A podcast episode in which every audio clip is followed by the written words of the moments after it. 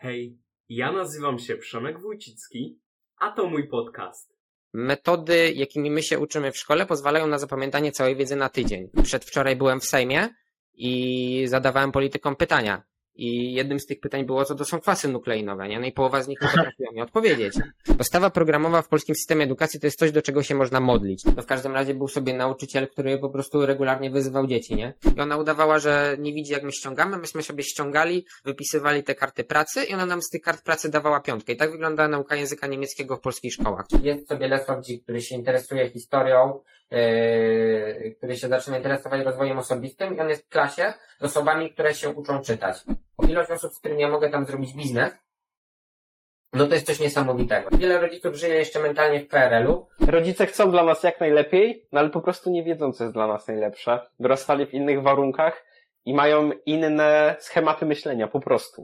To straszne było, bo kilka tysięcy złotych wy- wyrzuciłem na to, żeby promować na Facebooku moje polityczne jakieś tam e, memy i wow, ja robię taką zajebistą robotę, że ten człowiek chce poświęcić swój własny czas na to, żeby mi napisać taką obelgę, tak? I wiem, że teraz przez następne 5-10 lat będę cisnął z biznesem, żeby zarobić kasę i zrobić e, finan- finansową niezależność, że współczesny nastolatek to jest osoba, która ma w ręku ogrom narzędzi do tego, żeby osiągnąć sukces, żeby wiedzieć, co zrobić ze swoim życiem, tylko ona jest ślepa, jest zaślepiona i ona nie widzi, że w ogóle ma to narzędzie. On nie ma świadomości, że ma te narzędzia. W życiu mężczyzny nie ma większego motywatora niż złamane serce. Celem podcastu jest dostarczenie słuchaczom wartościowych treści poprzez rozmowy z jednostkami wybitnymi. Wyciskam w nich swoich gości jak cytryny. Przed przesłuchaniem skonsultuj się z rodziną lub przyjaciółmi, gdyż skutkiem ubocznym słuchania tego podcastu jest holistyczne stanie się lepszą i bardziej świadomą wersją samego siebie. Podcast znajdziesz na wielu platformach takich jak YouTube, Spotify, Apple Podcast i wiele więcej. Miłego słuchania. Dzisiaj gości u mnie Lesław Dzik. Cześć Lesław. Cześć, cześć, witam wszystkich, dzień dobry. Dzisiaj porozmawiamy o szkole, czyli o czymś, co budzi definitywnie wiele emocji. Pogadamy o tym, co szkoła robi źle, w jakich kwestiach łamie prawo i w jaki sposób, jak można się przed tym przestrzec. Dalej porozmawiamy o działalności Lesława i na końcu poruszymy temat TikToka i tego, jak stawać się lepszym TikTokerem. Więc Lesław, czy mógłbyś się przedstawić w kilku słowach? Mhm. E, no więc nazywam się Lesław Dzik i tak, jestem TikTokerem. Dość e, jakby nie lubię, jak mnie ludzie mówią do mnie ten, ten TikToker. To jest najgorsze, co może być, jak e, po prostu jesteś na ulicy i ktoś cię mija i mówi, o to jest ten TikToker, nie? Jeszcze jak ktoś pamięta imię, że Lesław, wow, no to jest coś, coś świetnego, nie? To ja mam taki, wow, ja tą osobę od razu lubię. No w każdym razie mam na imię Lesław i generalnie rzecz biorąc, niedawno napisałem maturę w tym roku, więc wykształcenia żadnego jeszcze nie mam, bo chodzę na studia. E, No i zajmuję się nagrywaniem filmów edukacyjnych na TikToku, co nie, nie zdarza się często. To jest platforma, która no, rządzi się swoimi prawami, przede wszystkim kontentem rozrywkowym. E, Ja wybrałem z wielu różnych powodów właśnie TikToka na, na takie medium, gdzie będę chciał przekazywać swoją wiedzę na temat systemu edukacji, na temat samorozwoju dla młodych osób. I to jest taka najważniejsza rzecz, którą ja przekazuję i na TikToku, i na Instagramie, bo niedawno również Instagrama założyłem. I y, jakby staram się, żeby moje treści były przede wszystkim edukacyjne. Czasem się nie da, y, ale 80-90%, jeżeli sobie wejdziecie na moje media społecznościowe, to jest edukacja i y, to jest coś, czym ja się kieruję. E, No i na razie tyle. Mam dopiero 18 lat, więc, e, więc myślę, że większość tej historii, tego, co bym mógł sobie powiedzieć, jeszcze jest do napisania dopiero. E, Więc myślę, że tyle na początek. Tak, widziałem już w Twoim opisie TikToka. Opis jest taki: uczę, bo szkoła coś nie uczy. Więc zacznijmy od razu z grubej rury. Powiedz mi, co z tą szkołą jest nie tak? E, Kurczę, to był proces, który we mnie tak dojrzewał, że coś z tą szkołą jest nie tak. Na początku to było totalnie na czuja i jakby kiedy ja byłem w ogniu, na lekcji, byłem pytany i tak dalej, to zaczęły do mnie dochodzić, e, zaczęło do mnie dochodzić, że coś jest nie tak. A potem zacząłem czytać na ten temat książki, oglądać filmy i ja się dowiedziałem od takiej strony czysto naukowej, że coś jest z tą szkołą nie tak, nie? E, I pierwszym takim momentem, który ja pamiętam, który sprawił, że ja się zacząłem w ogóle zastanawiać, co jest nie tak. Ja już pomijam w ogóle, e, mówię, zadania domowe, tę całą farsę związaną z e, tym, jak wyglądają pewne procesy nauki. Zresztą o tym pewnie zaraz za chwilę powiem, ale takim pierwszym momentem, w którym ja się serio zacząłem zastanawiać, o co w ogóle z tym całym systemem edukacji chodzi, to jest moment, kiedy pani historii nam zadała przywileje szlacheckie, nie? I mieliśmy jako trzynastolatkowie w pierwszej gimnazjum wkuwać przywileje szlacheckie tak po kolei. I ja miałem takie, że ja sobie chyba wypisałem na kartce, jeżeli nie wypisałem na kartce, to, e, to sobie zacząłem w głowie myśleć absurd tego, że trzynastoletnie osoby dostają bez żadnego w ogóle kontekstu po co, gdzie, jak i kiedy listę kilkunastu przywilejów szlacheckich bez żadnego kontekstu trzynastolatkowie. I wy to macie wykuć i ja jestem y, panią, która nawet wam nie mówi w jaki sposób wy się tego macie nauczyć, bo do tego pewnie też przyjdziemy, że szkoła polska nie uczy jak się uczyć. E, nie daje metodów skutecznej, metod skutecznej nauki. I macie tutaj 15 przywilejów szlacheckich, czyli ile ich tam teraz było. Ja to mówię jako osoba, która się pasjonuje historią. Tak? Ja jadę po tym, mimo tego, że się pasjonuje historią, bo to jest bezsens. I kilkunastu, trzynastolatków dostaje listę 15 przywilejów szlacheckich bez powiedzenia, po co wy się tego macie nauczyć, bez żadnego kontekstu i bez tego, jak wy się macie tego nauczyć. I wiesz o tym dobrze i my wszyscy o tym dobrze wiemy, że dwa tygodnie po napisaniu tej kartkówki nikt w ogóle nie pamiętał, o co w ogóle z tym chodzi. Jakie przywileje szlacheckie, co, co, co, gdzie, kiedy, kto, po co, na co. I wtedy do mnie doszło, jaka to jest, jaki to jest jeden wielki absurd, jaki to jest farsa, jaka to jest farsa, że siedzi sobie y, w kuratorium i w ministerstwie grupa osób, które stwierdzają, w tym i w tym wieku o, uczniowie mają umieć to i to. I oni to przekazują w jakiś sposób nauczycielom, i ci nauczyciele y, dają ci kartkówkę, żebyś to napisał. Ich w ogóle nie obchodzi to, że ty tego nie będziesz wiedział po tygodniu, bo szkoła cię nie uczy, w jaki sposób ty masz się tego nauczyć. Szkoła ci nie powie, że y, wkuwanie jest złe, że to nie działa, że po tygodniu o tym wszystkim zapomnisz. Szkoła ci nie tłumaczy kontekstu. Po co ty trzynastolatku masz znać przywileje szlacheckie w tym momencie i ja nie mówię, że podstawowe informacje historyczne nie powinny być znane przez młodzież. Powinny, oj powinny. Ja mam kilka filmów nawet na TikToku o niewiedzy historycznej młodych osób, niestety, ale pada komenda, że młoda osoba trzynastoletnia ma umieć przywileje szlacheckie i i w taki sposób wygląda ta pętla decyzyjna, że na końcu jest pani, która nam daje listę 13 przywilejów szlacheckich i wy macie to umieć wykuć, e, jutro piszemy z tego kartkówkę, a co będzie jutro po nas choćby potop, nie obchodzi nas to. To, że wy nie wiecie po co się tego uczycie, to, że wy to zapomnicie po tygodniu, wy to macie umieć, nie? I jakby takich sytuacji była masa, totalnie masa i ich się nazbierało pełno. Ja bym mógł o nich teraz rozmawiać przez pięć godzin, w sensie wymieniać po kolei sytuacje, yy, udowadniając też, że polski system edukacji to jest jedna wielka farsa, e, ale przejdziemy od razu płynnie, myślę, do takich naukowych kwestii. E, I potem zacząłem się interesować jakby metodami szybkiej nauki. E, przeczytałem książkę Włam się do mózgu Radka Kotarskiego i to jest jakby najlepsza książka, która pokazuje metody dobrej i skutecznej nauki. To porównałem z tym, co było w szkole, nie? I człowiek ma nagle takie, okej, okay, czyli z naukowego punktu widzenia metody, jakimi my się uczymy w szkole, pozwalają na zapamiętanie całej wiedzy na tydzień. I potem zacząłem czytać różne badania, y, w których pisze, że po jakimś tam czasie my pamiętamy 5% szkolnej wiedzy. No to od razu się pojawia pytanie, no to po co my się tego uczymy, jeżeli my 5% z tego potem pamiętamy, nie? E, przedwczoraj byłem w Sejmie i zadawałem politykom pytania.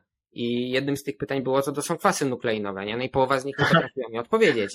No, no, ale a wiecie, no i teraz pytanie o kwasy nukleinowe. Skąd tu jakiś polityk ma wiedzieć, co to są kwasy nukleinowe? No problem polega na tym, że kuratorium i ministerstwo stwierdziło, że siedemnastolatkowie mają wiedzieć w trzeciej klasie liceum, co to są kwasy nukleinowe na poziomie podstawowym. No to sobie pomyślałem, że jeżeli siedemnastolatek, e, który jest od 17 lat dopiero na tym świecie i jest totalnie młodą osobą, ma to wiedzieć, no to polityk w Sejmie, który decyduje o moich podatkach, też powinien o tym wiedzieć i połowa z nich nie wiedziała. Tylko osoby, które miały jakieś tam matematyczno-biologiczne wykształcenie, e, mi potrafiły na to pytanie odpowiedzieć, nie? I e, co ze szkołą jest nie tak? No, bardzo dużo rzeczy jest nie tak, podejście jest nie takie. E, cały nasz polski system edukacji jest oparty na XIX-wiecznym modelu pruskim.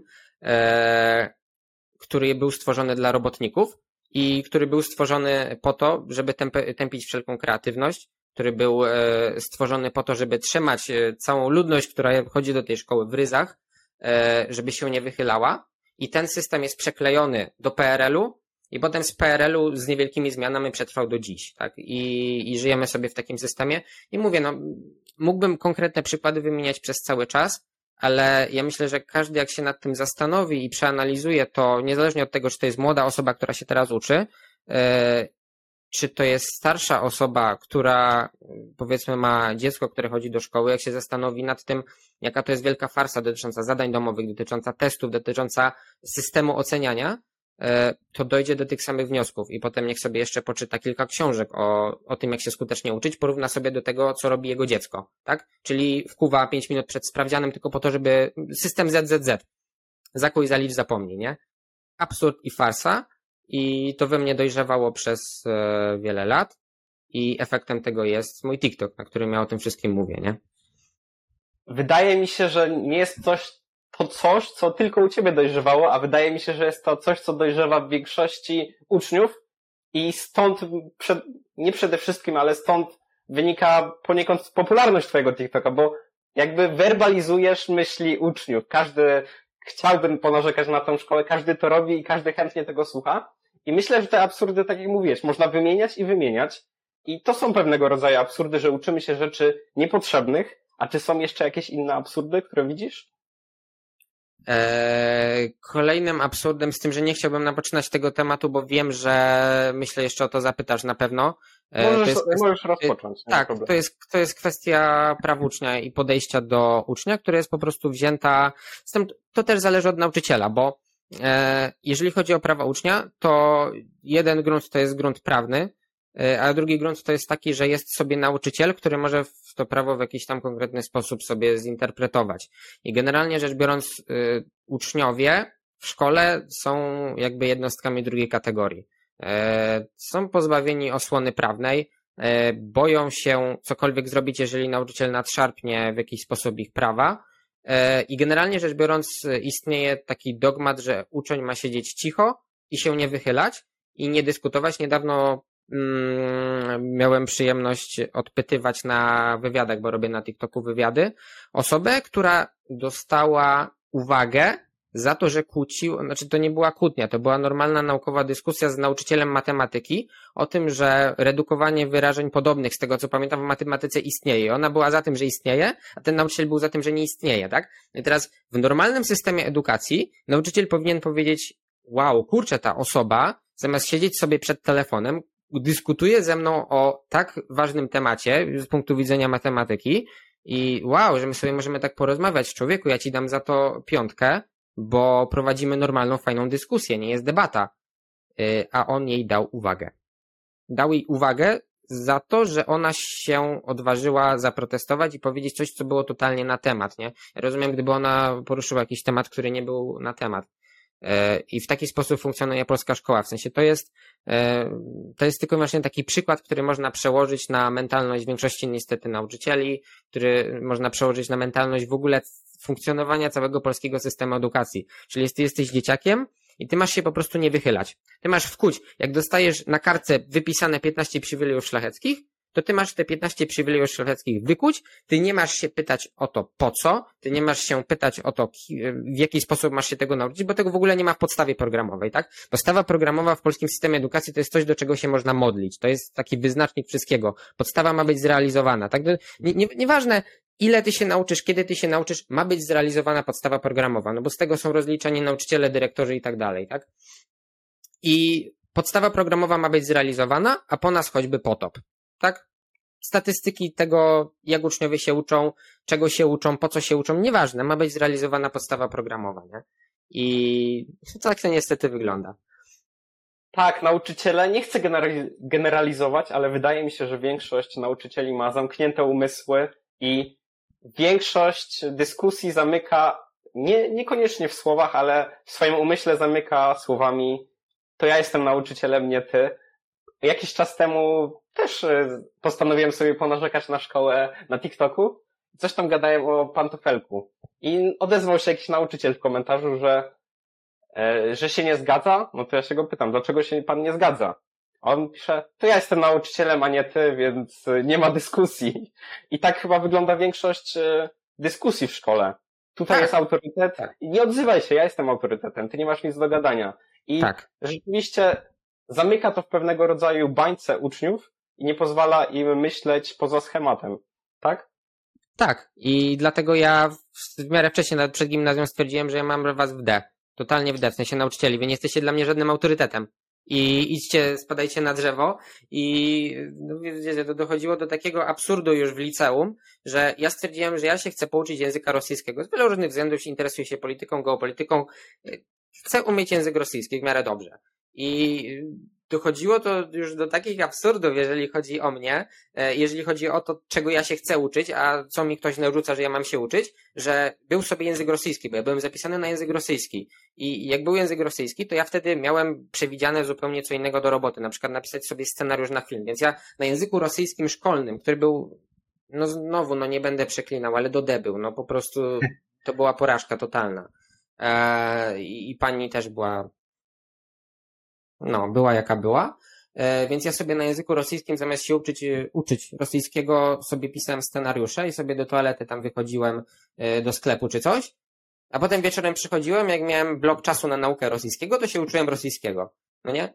Bo szkoła mi nie będzie mówić co, kiedy i jak i ja mam tą, tę postawę i, i tę mentalność już w zasadzie od czasów początku gimnazjum, że dla mnie nauczyciele nie są żadnym autorytetem, że jeżeli nauczyciel mówi X, to znaczy, że ja mam na początku sprawdzić, czy to jest na pewno X, czy może to jest jednak Y. I to nie tylko chodzi o matematykę, ale tu chodzi po prostu o całe podejście, tak? Y, Z tego względu nauczyciele przestali być dla mnie wszelkim, jakimkolwiek autorytetem już w gimnazjum, bo zauważyłem, że to są w większości, ja teraz nie chcę generalizować, bo ja poznałem masę fajnych nauczycieli, którzy naprawdę wykonują swój zawód z pasji, ale 89, dobra, nie będę nawet próbował tego szacunkować, ale duża część nauczycieli e, to są starzy, sfrustrowani i wypaleni zawodowo ludzie, którzy nie mają młodym osobom nic do zaoferowania, którzy pracują za bardzo niskie pieniądze, niestety, bo powinni, jak na zawód nauczyciela, nauczyciele powinni zarabiać o wiele więcej, e, są po prostu sfrustrowani, nie lubią dzieci, nienawidzą dzieci i takie osoby cię uczą, tak? Tak, tak język wroga trzeba znać, także e, szacuneczek za to, że uczysz się rosyjskiego. Jeżeli chodzi o ten poziom nauczania w polskich szkołach, to jest on żałosny. Uczyłem się niemieckiego 8 lat, bodajże 8 lat. Potem ostatnie dwa lata przeszedłem na hiszpański i jednocześnie zacząłem się uczyć hiszpańskiego sam. I mówię o stokroć lepiej po hiszpańsku niż po niemiecku, mimo że miałem takie dobre warunki, dobre warunki do nauki. Oczywiście mówię to w cudzysłowie, ponieważ szkoła oferuje żałosne warunki do nauki. Więc e, rzeczywiście ten poziom jest beznadziejny. I mówiłeś wcześniej, że pytasz uczniów o ich historię e, ze, ze szkoły. To czy mógłbyś się podzielić jakąś historią, która najbardziej cię zszokowa- zszokowała? Mm, znaczy, większość historii, jakie mi uczniowie zdają, to są takie historie, powiedziałbym, lightowe. E, Jeżeli chodzi o taką mm, najbardziej powaloną historię, jakiej słyszałem, to jest to, że w jakiejś szkole, nie, nie wiem, czy to był Sosnowiec, czy jakieś inne miasto, no w każdym razie był sobie nauczyciel, który po prostu regularnie wyzywał dzieci, nie? I ja już teraz nie potrafię sobie z głowy prze, e, przypomnieć, co to było, ale po prostu ich obrażał, że są głupi, że są idiotami. I e, dyrektorka to przez jakiś czas zamiatała pod dywan, dopóki rodzice nie zaczęli po prostu otwarcie protestować, nie? I ja nagrałem nawet film na, na ten temat i ja tam powymieniałem wszystkie jego przekleństwa, e, które on e, mówił dzieciom i najgorsze było to, że tak jak mówię, przez kilka pierwszych miesięcy było zamiatanie pod dywan, zamiatanie pod dywan i w końcu jak rodzice się wzięli za sprawę i zaczęli pisać listy do kuratorium, to w końcu to ruszyło, nie? Niestety, no szkoła to jest taka skostniała instytucja, zresztą jeszcze do tego przejdziemy pe- na pewno w, w późniejszej części rozmowy. Szkoła to jest skostniała instytucja, którą po prostu trzeba tak bić i kopać i jak ją tak będziesz bił i kopał przez dłuższy czas, to ona się w końcu ruszy, a inaczej się nie ruszy, tak? I gdyby ci rodzice niczego nie zrobili w tamtej konkretnej sytuacji, to ten nauczyciel by najprawdopodobniej był w tej szkole i gnębił dzieci do dzisiaj. Tak, ja jestem tego przekonany, bo ja po prostu mam e, jakby z autopsji e, wielu nauczycieli, na których były dziesiątki skarg i nic z nimi nie zrobiono, tak? Bo pierwsze nie było nikogo na ich miejsce, po drugie nikomu nie zależało na tym, no bo czy dyrektorowi zależy na wyrzuceniu jakiegoś nauczyciela? No nie. Zresztą to już dochodzimy do pewnych podstaw e, funkcjonowania szkoły, tak? Ich zarobków, karty nauczyciela, tego w jaki patologiczny sposób jest ona e, skonstruowana. E, no i przechodzimy do takiej konkluzji, że w szkole i jako instytucji nikomu nie zależy na tym, żeby uczniom było dobrze, tak? W sensie uczniowie są na samym końcu, mimo tego, że o nich tutaj chodzi. To oni chodzą do tej szkoły, to, to o nich powinna się rozgrywać cała gra, tak naprawdę oni są na końcu procesu, tak? Ty jesteś Janek, Mateusz, Kuba i ty masz wkuć te przysłowiowe przywileje szlacheckie i tego pantofelka. A całe resztę nas to nie obchodzi. Nas nie obchodzi, jak ty to zrobisz. Nas nie obchodzi, czy to będzie twój piąty, dziesiąty, piętnasty test w tym tygodniu. Nas nie obchodzi, że ty się będziesz wkuwał i uczył do trzeciej w nocy. Ucz się do trzeciej w nocy. W ogóle w podstawie programowej nie ma ani słowa o zdrowym śnie. E, co jest straszne, bo ogrom społeczeństwa się źle wysypia. E, to jest taka jedna z moich uwag też. E, nas to po prostu nie obchodzi, tak? No ty masz wkuć te przywileje szlacheckie, ty masz wiedzieć, że tutaj jest mitochondrium, tutaj jest coś tam, jakieś kwasy i ty masz to po prostu wkuć i nic innego nas nie obchodzi, tak? I po, po, mówię, no po nas choćby potop, nie? No i w taki sposób działa polska szkoła. Tak, jeśli chodzi o w ogóle o cały rynek nauczania, no to jest ogromny niedobór nauczycieli. W sumie komu, kto się dziwi, skoro takie mają niskie zarobki i taką reputacją cieszą się w społeczeństwie, więc ten, ta niechęć do pozbywania się złych nauczycieli jest właśnie tym warunkowana, że jest niedobór. Niestety to jest problem szerszy niż po prostu wyrzucenie nauczyciela i myślę, że nie jest to odosobniony przypadek i w wielu szkołach takie sytuacje mają miejsca. Czy chciałbyś powiedzieć, opowiedzieć jeszcze jakąś historię tego typu? E, wczoraj pisze do mnie, to też mnie to totalnie zszokowało, wczoraj pisze do mnie uczeń i mi wysłał jakiegoś Twittera, znaczy tweeta, przepraszam, e, wchodzę w tego tweeta i co się okazuje?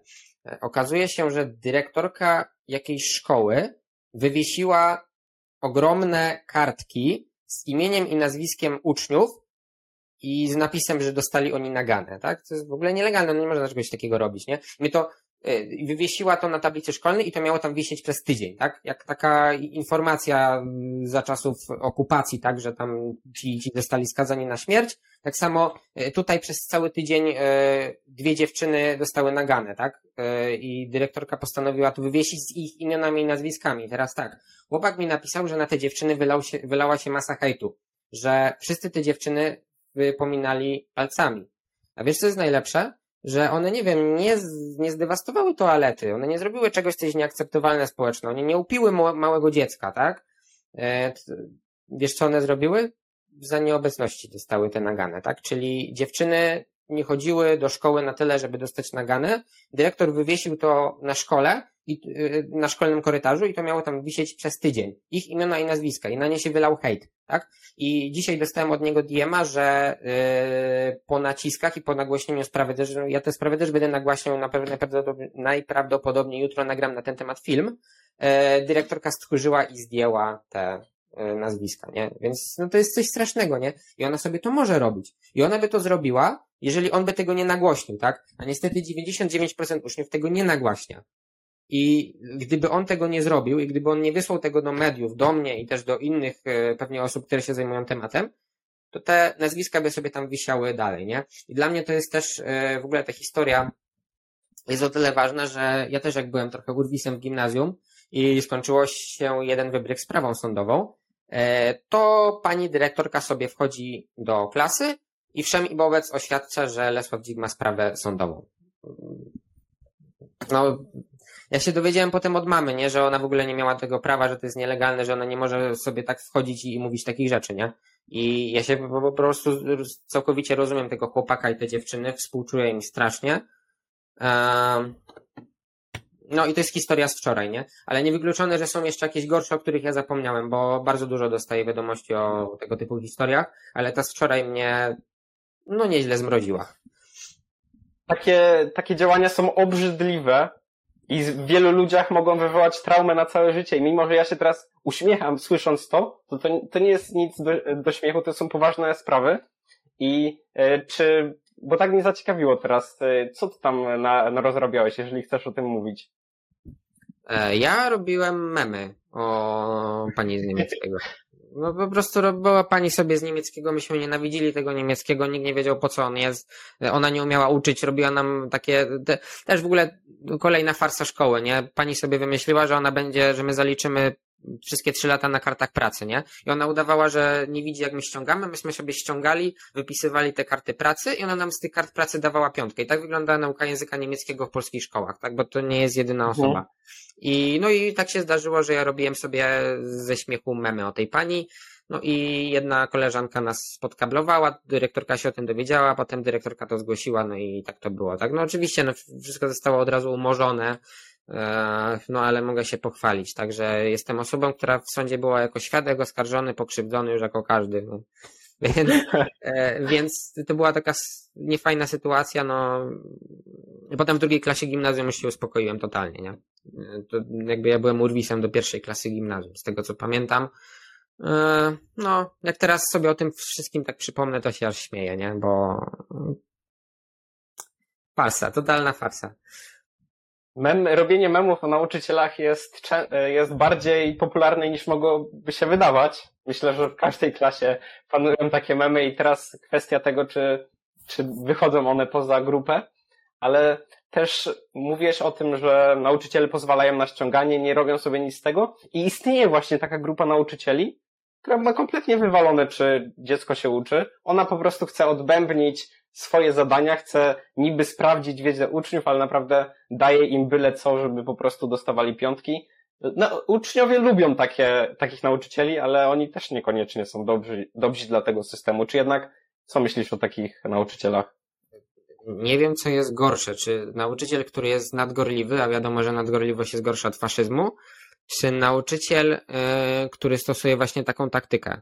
E, czyli, że mam was wywalony, my musimy odbębnić tutaj program nauczyciela, nauczania i zrobimy wszystko tak, że jak dyrektorka wejdzie na lekcji, no to będzie, że my ten program realizujemy, ale tak naprawdę go nie realizujemy, wy sobie tam pościągajcie co chcecie i tutaj macie. No bo to jest kolejna farsa, w sensie po co? W sensie szkoła jest finansowana z naszych, z publicznych pieniędzy, naszych, tak? I taka farsa za nasze pieniądze, w sensie nie wiem, czy powiedzmy w takiej Finlandii, która jest jakby takim modelowym przykładem tego, jak powinien wyglądać system edukacji, coś takiego by przeszło? No nie przeszłoby.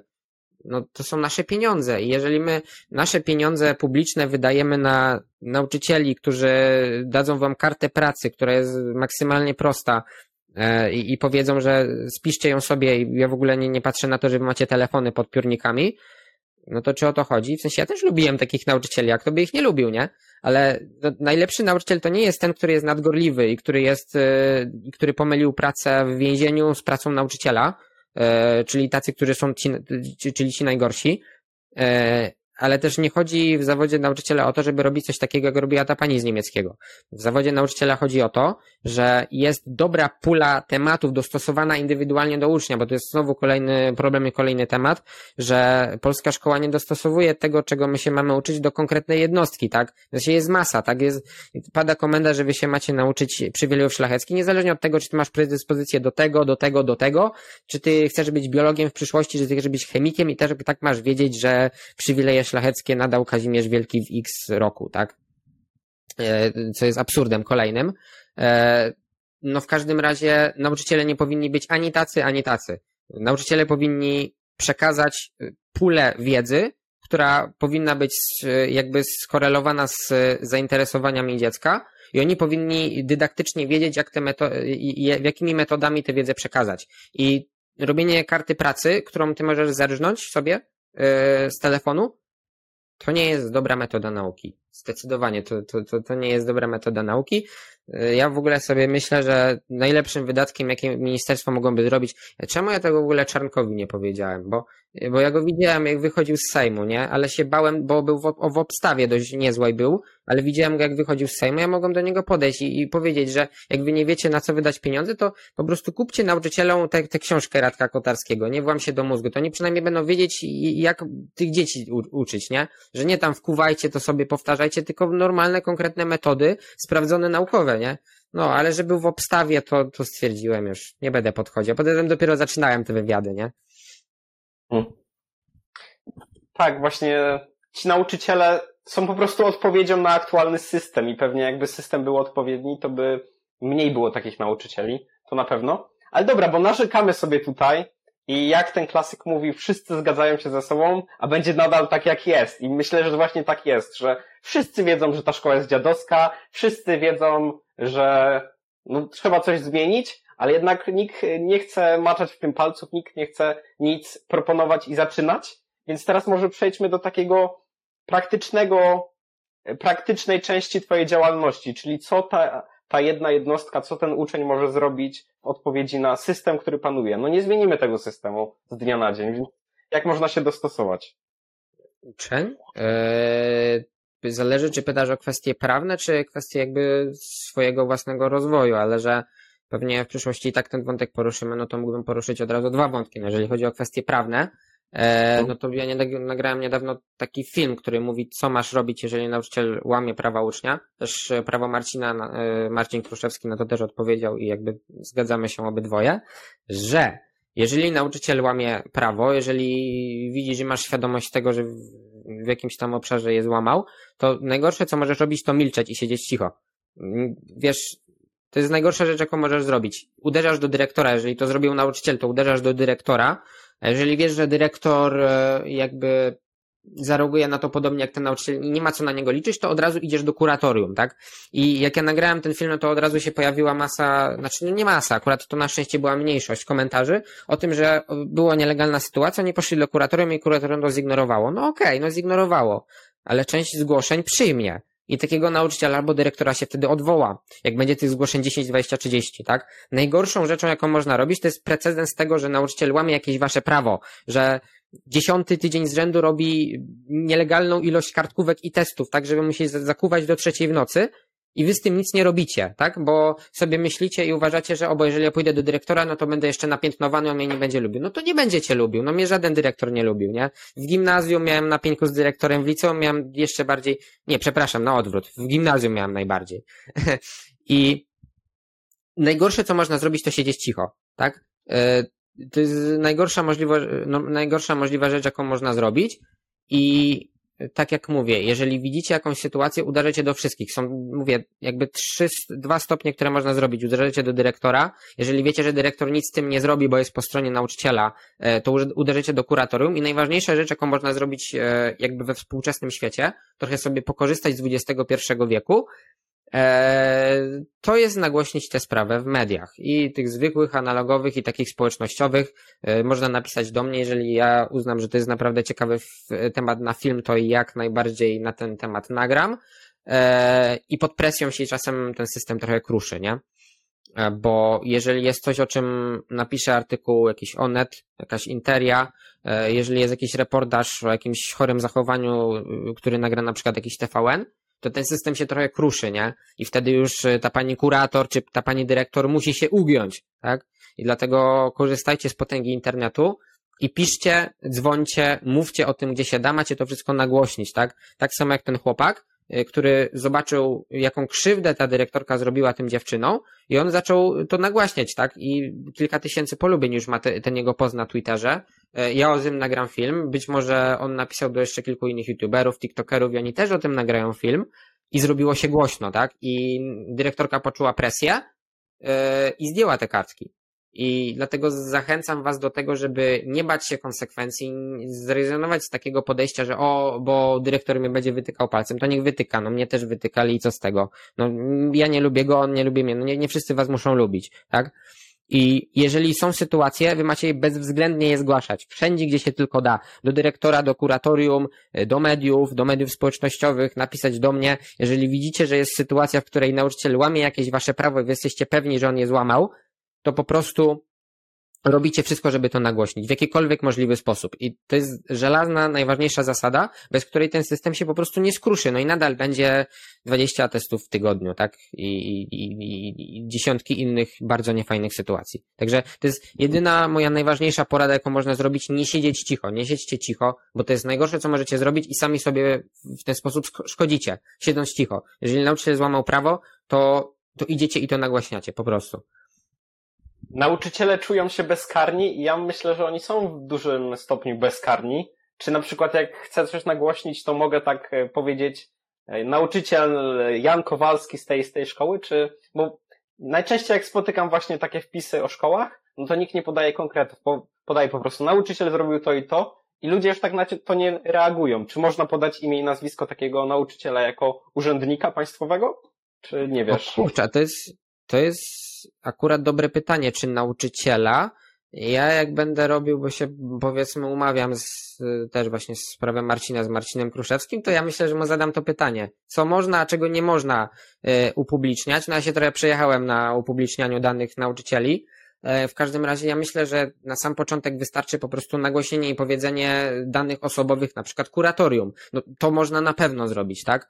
E, I też z mojego doświadczenia w ogóle nie trzeba zdradzać imienia i nazwiska E, nauczyciela, żeby szkoła się ugięła pod jakąś presją, tak? W sensie, e, ja nie znam imienia i nazwiska tej dyrektorki. Ktoś go napisał w komentarzach, ale to jest zupełnie inna rzecz. W sensie, nikt nie zna imienia i nazwiska tej pani dyrektorki, która wywiesiła i zrobiła tę ohydną rzecz tym dziewczyną, a mimo tego ona się ugięła, więc jakby rozpowszechnienie danych osobowych nie jest konieczne do tego, żeby kogoś, kto łamie w szkole prawo utemperować. Tak, tak mi się wydaje nie jest konieczne, ale mam wrażenie, że na, na pewno lepiej by zadziałało i zadziałałoby jak, jako pewien odstraszacz dla innych nauczycieli, no bo widzą, o, zrobiła coś nie tak i teraz jej imię i nazwisko przy tych negatywnych wpisach jest w połowie internetu. No to ja będę uważał, więc myślę, że taka odpowiedzialność, jeżeli chodzi i ta większa e, karność e, jako synonim bezkarności, na pewno by pomogła w tym. Więc to jest bardzo ciekawy temat i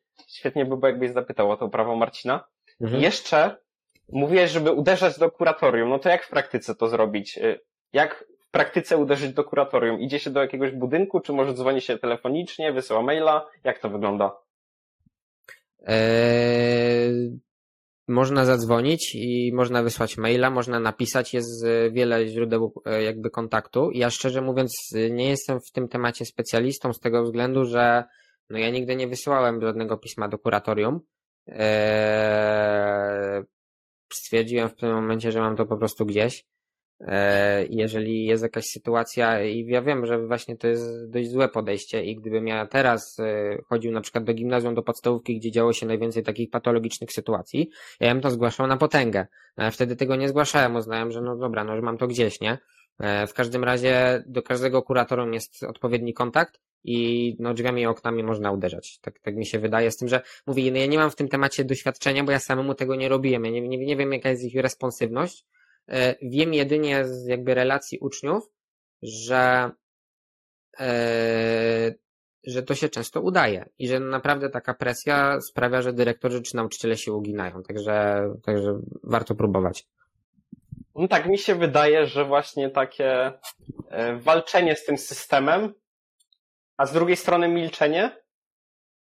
Właśnie do czego zmierzam, to to, że powiedziałeś, że nie nagłaśniałeś tego i to jest złe. To jest zachowanie złe społecznie, ale z drugiej strony takie milczenie i olewanie niektórych kwestii chyba lepiej działa dla osobnej jednostki. No, olewa ten problem i się nim nie zajmuje. A jeżeli podejmujesz walkę, to potem tu możesz dostać jedynkę, tu może nie udać się nic zwalczyć i będziesz miał trudniej w szkole, więc milczenie często jest lepszą opcją, czy nie?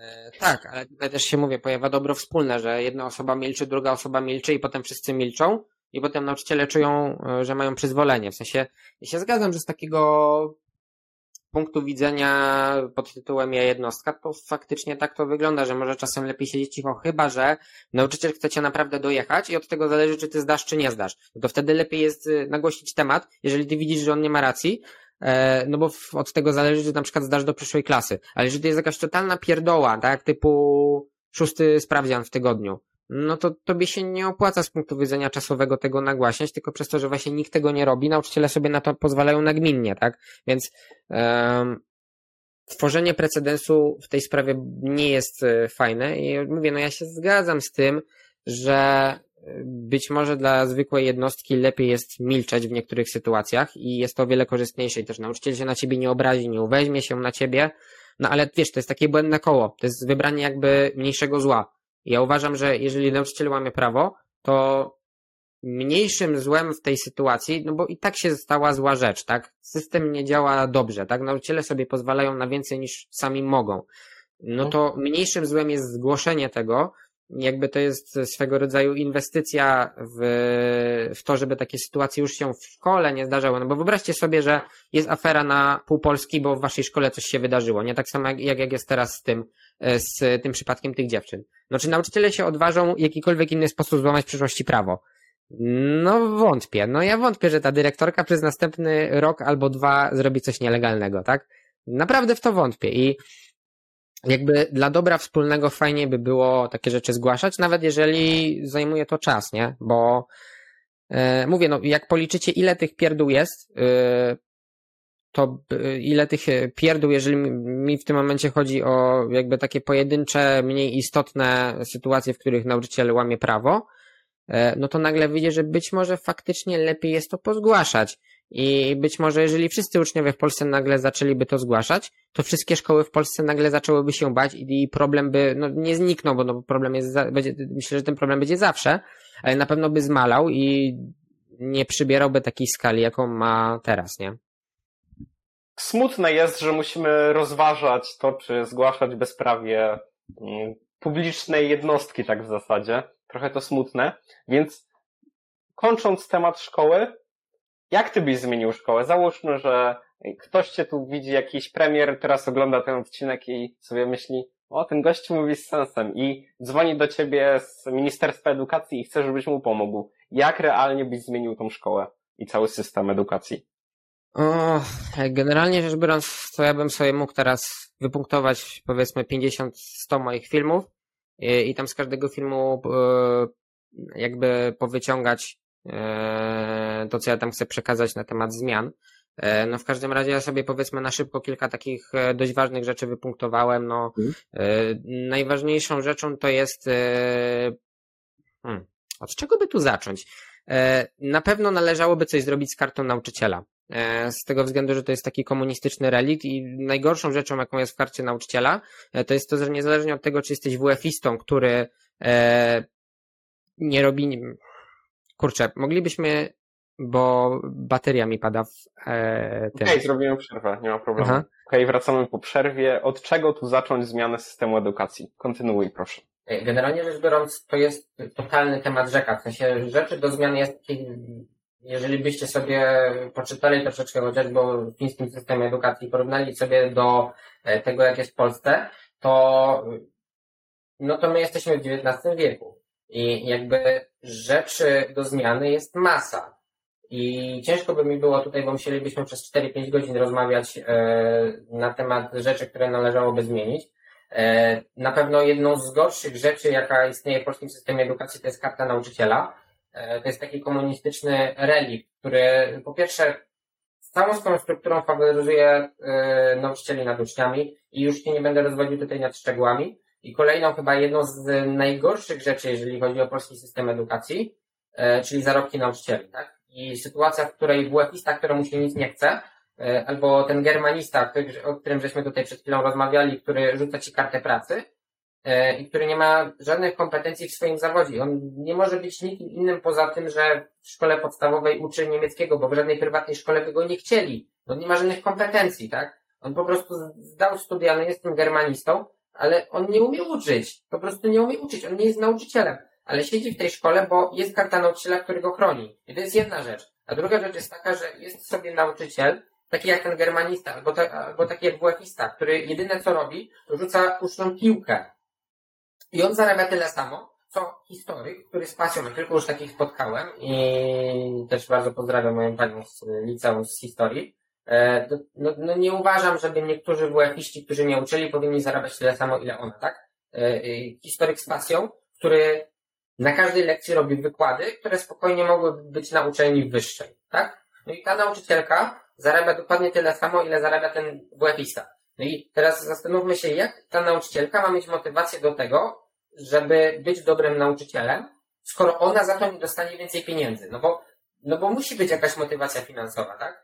W, w sektorze prywatnym, jeżeli ty jesteś w rzeczy, do, rzeczy X dobry, to dostajesz za rzecz X więcej pieniędzy. A jeżeli w polskim systemie edukacji, w publicznej szkole ty jesteś dobry, dobrym historykiem, to jesteś dobrym historykiem. I za tym nie idzie żadna premia, żadna, żadna większa ilość pieniędzy. To po prostu jesteś dobrym historykiem, jesteś to jak frajerem. Bo opłacałoby ci się bardziej rzucić kartę pracy uczniom i odbędnijcie sobie tę kartę pracy i do widzenia i nie przejmuję się wami, ale ty postanawiasz na przykład robić wykłady, takie jak, w których nie powstydziłaby się wyższa uczelnia. No jesteś frajerem, tak? Bo ty to robisz z pasji powołania, robisz coś, za co ty powinieneś dostawać 10 tysięcy na rękę, ale dostajesz 2 albo 3 tysiące. A obok ciebie na dole, na celi gimnastycznej jest WF-ista, który zarabia dokładnie tyle samo co ty i jedyną jego pracą jest rzucanie piłki. Tak, no to jak ten system ma funkcjonować normalnie? Tak, jak, jak system ma funkcjonować normalnie, skoro jest oparty na karcie nauczyciela, która została stworzona w latach 80. I ona oczywiście było pełno poprawek, ale jej struktura, jej rdzeń jest dokładnie taki sam jak w epoce PRL. I to jest coś strasznego, tak? E, kolejna rzecz to jest po prostu przeładowanie programem. Dzieci nie wiedzą... No poczekaj jeszcze chwilę. Okej, no. Ja, ja jeszcze bym się odezwał a propos tych nauczycieli. Czy my w ogóle potrzebujemy nauczycieli? No bo żyjemy czasach, które są technologicznie bardzo wyspecjalizowane. I co za problem nagrać y, 100 filmów z każdego przedmiotu, gdzie jeden najlepszy uczeń z całej Polski, najlepszy nauczyciel z całej Polski opowiadałby o czymś, a potem puszczalibyśmy tylko to na projektorze. Ile pieniędzy byśmy zaoszczędzili na takim rozwiązaniu? Więc to w ogóle pytaniem jest, czy potrzebujemy jeszcze nauczycieli? No ja myślę, znaczy ja my, znaczy to jest y, świetne wyjście, ale to jest pewien substytut, tak? I nauczenie zdalne jakby pokazało, że to jednak jest nie wszystko, jednak kontakt fizyczny z tym nauczycielem, że on może ci odpowiedzieć na jakieś pytania, e, no jest w cenie. Z tym, że ja od razu mówię, że gdybyśmy nagrali takiego jednego nau, na, najlepszego nauczyciela w Polsce, który by potrafił najlepiej przekazywać wiedzę i tam by było wszystko dosłownie, i on by jeszcze powiedział, w jaki sposób ma się, macie się tego nauczyć, to tak, to by było lepsze niż to, co jest teraz. Ale docelowo w takim modelowym, najlepszym systemie edukacji, ja myślę, że nauczyciele nie zostaną zastąpieni nigdy. Z tego względu, że w ogóle kolejną rzeczą jest to, że nawet jeżeli szkoła jest słaba, jest zła, to, to i tak lepiej chodzić do szkoły niż nie chodzić. Z tego względu, że ty wtedy masz kontakt z innymi rówieśnikami. Jestem tego idealnym przykładem z tego względu, że ja poszedłem do, nie chodziłem do żłobka w ogóle, ja poszedłem do przedszkola w późny, o, o wiele później niż inni. Miałem kontakt z innymi dziećmi później niż inni. I to się skończyło tym, że jakby moja socjalizacja była na żenującym poziomie. Ja z tym walczę do dzisiaj, tak jak, naprawdę, jeżeli chodzi o moje kontakty międzyludzkie, to ja tak naprawdę ostatnie skutki tego braku kontaktu z innymi dziećmi e, zdążyłem zwalczyć dosłownie niedawno, tak? I przez to ja uważam, że takiej fizycznej szkoły, fizycznego kontaktu z nauczycielami, rówieśnikami nie powinno się zastępować nigdy, bo to jest coś nie do zastąpienia, tak? To jest y, pewien element socjalizacji eee, i mówię, no to co jest teraz y, jest tragiczne, na pewno nagranie takiego nauczyciela to jest w ogóle ciekawa koncepcja. Nie, nie, nie słyszałem o niej nigdy. Ja bym musiał o tym pomyśleć, też nie wiem, poczytać. Może są jakieś takie nowinki gdzieś tam w Stanach Zjednoczonych, czy w, jakiejś, yy, czy w jakimś bogatszym kraju, ja tego nie wiem. Ale ja uważam, że system edukacji jak najbardziej można zmienić, zostawiając nauczycieli yy, jakby w pokoju nauczycielskim. No. Powiedziałeś o socjalizacji jako o jednej z funkcji szkoły, a z drugiej strony mamy teraz edukację domową i wiele ludzi właśnie jako zarzut do edukacji domowej ma to, no nie będziesz się socjalizował, nie będziesz umiał się komunikować z ludźmi i tak dalej, a z drugiej strony dlaczego tylko szkoła ma być miejscem do socjalizacji? Przecież są różnego rodzaju koła zainteresowań, są różnego rodzaju zajęcia pozalekcyjne, pozaszkolne, sportowe i tak dalej, więc niekoniecznie bym wiązał funkcję socjalizowania się jako funkcję, która jest tylko i wyłącznie funkcję, która jest tylko i wyłącznie przez szkołę pełniona. Więc to też nie jest takie do końca. Znaczy, ja się w pełni zgadzam z tym, że jeżeli ktoś chodzi na nauczanie, na edukację domową, to wtedy się mniej socjalizuje z dziećmi. Z tym, że jeżeli ktoś się decyduje na edukację domową, to on powinien być tego świadomy i rodzic, który wysyła dziecko na edukację domową, powinien być tego świadomy i przez to znaleźć mu substytuty tego, tak? Czyli właśnie kółka zainteresowań, zajęcia, zajęcia sportowe, yy, zajęcia związane z jakimiś jego pasjami, malowanie, rysowanie, cokolwiek, żeby to dziecko się socjalizowało. Ja się w pełni zgadzam z tym, że yy, są inne środki socjalizacji młodej osoby z drugą młodą osobą niż szkoła, tym, że no, szkoła jest teraz najpopularniejsza. Nie? No jeżeli byśmy zrobili coś takiego, że, że wszystko jest online zdalnie, no to trzeba by było społeczeństwa nauczyć tego, że no musicie wychodzić na dwór, żeby się socjalizować o wiele częściej. Musicie y, się właśnie zapisać w jakieś kółko zainteresowania z tego względu, że mówię, no ludzie się już nauczyli, że najwięcej znajomych ma się ze szkoły, tak? I, i to jest jakby powszechny fakt. I jeżeli mielibyśmy to kiedyś zastępować, no to musielibyśmy ludzi uświadomić, że, e, że procesu socjalizacji się nie uniknie. I mówię, no ja jestem idealnym przykładem tego, że jeżeli się nie ma przez jakiś czas kontaktu z rówieśnikami, to kończy się to źle, tragicznie. I ja się w 100% zgadzam z tym, że są inne źródła socjalizacji niż szkoła. E, z tym, że wiele osób nie ma w ogóle świadomości, że one są, a w ogóle wielu rodziców nie ma świadomości tego, że e, jeżeli dziecko ma mały kontakt z rówieśnikami, to oni powinni zapisać na jakieś zajęcia sportowe, na jakieś zajęcia, gdzie nie mają kontakt z, z innymi młodymi osobami, tak? Bo taka osoba po prostu będzie niesocjalizowana i potem skończy bardzo źle. I mówię, no ja to mówię na swoim przykładzie. E, no, ale ogólnie ciekawa koncepcja, nie powiem. Jakby jeszcze nie, nie słyszałem o czymś takim. E, no, ale myślę, że takie jest moje zdanie, nie? Mhm. Ja jeszcze pójdę o krok dalej i powiem, że jakość socjalizowania się w szkołach jest daremna. No bo jakby nie patrzeć, lądujesz w klasie z trzydziestoma losowymi osobami, niejednokrotnie te osoby są toksyczne i mogą sprawić, że będziesz się jeszcze gorzej czuł niż będąc samemu, więc ja nie, nie przypisywałbym szkole funkcji socjalizowania jako jej funkcji pierwotnej, a bardziej jest to coś, co niestety w większości, u większości ludzi jest tą funkcją pierwotną, ale powinni oni znajdować sobie inne inne substytuty właśnie socjalizowania się, no bo to jest dziadowska forma socjalizowania się. Masz losowych ludzi i masz się z nimi dogadać, masz z nimi współżyć. Często ci ludzie nie, nie współdzielą twoich pasji, a jedyne co was łączy to walka z panią z matematyki, więc to też nie jest takie, że ta funkcja socjalizowania się jest jakościowa w tych szkołach. I co jeszcze chciałem powiedzieć? Chciałem powiedzieć, że w sumie zapytam teraz ciebie, czy spotkałeś w szkole kogoś, kto podziela twoje pasje, podziela twoją pasję, pasję rozwoju osobistego, podziela twoją pasję biznesową? Spotkałeś taką osobę w szkołach? Hmm. E, w liceum max dwie osoby, w gimnazjum ani jednej, w podstawówce ani jednej. E, czekaj. Tak, coś takiego. W sensie ja się w 100% zgadzam, że znalezienie bratniej duszy pod względem na przykład biznesowym e, czy rozwoju osobistego w szkole to jest daremne. W sensie ja się teraz zapisałem na, na studia prywatne biznesowe, ja tam znalazłem tydzień więcej osób o moich poglądach i podobnych zainteresowaniach niż ja, które są mądrzejsze jeszcze ode mnie, to jest zajebiste. Jeżeli ty się spotykasz z osobami, które są mądrzejsze od ciebie, bo one się rozwijają, e, no to, to w ogóle nie ma żadnego porównania z tym, że ja się zgadzam z tym, że szkoła socjalizuje w słaby sposób, ale jednak socjalizuje, nie? I no, niestety w ogóle straszne jest to, że gdyby szkoła nie istniała, to wiele rodzin, które są bardziej patologiczne, po prostu no te dzieci nie miałyby żadnej socjalizacji. W sensie taka socjalizacja jest lepsza niż siedzenie w domu, ale oczywiście jest gorsza niż to, jeżeli ty się interesujesz malarstwem i się zapiszesz na, na jakieś kursy malowania, tak? Bo ty tam poznasz osoby, które są twoimi być może bratnimi duszami, które się zajmują tym samym jak ty.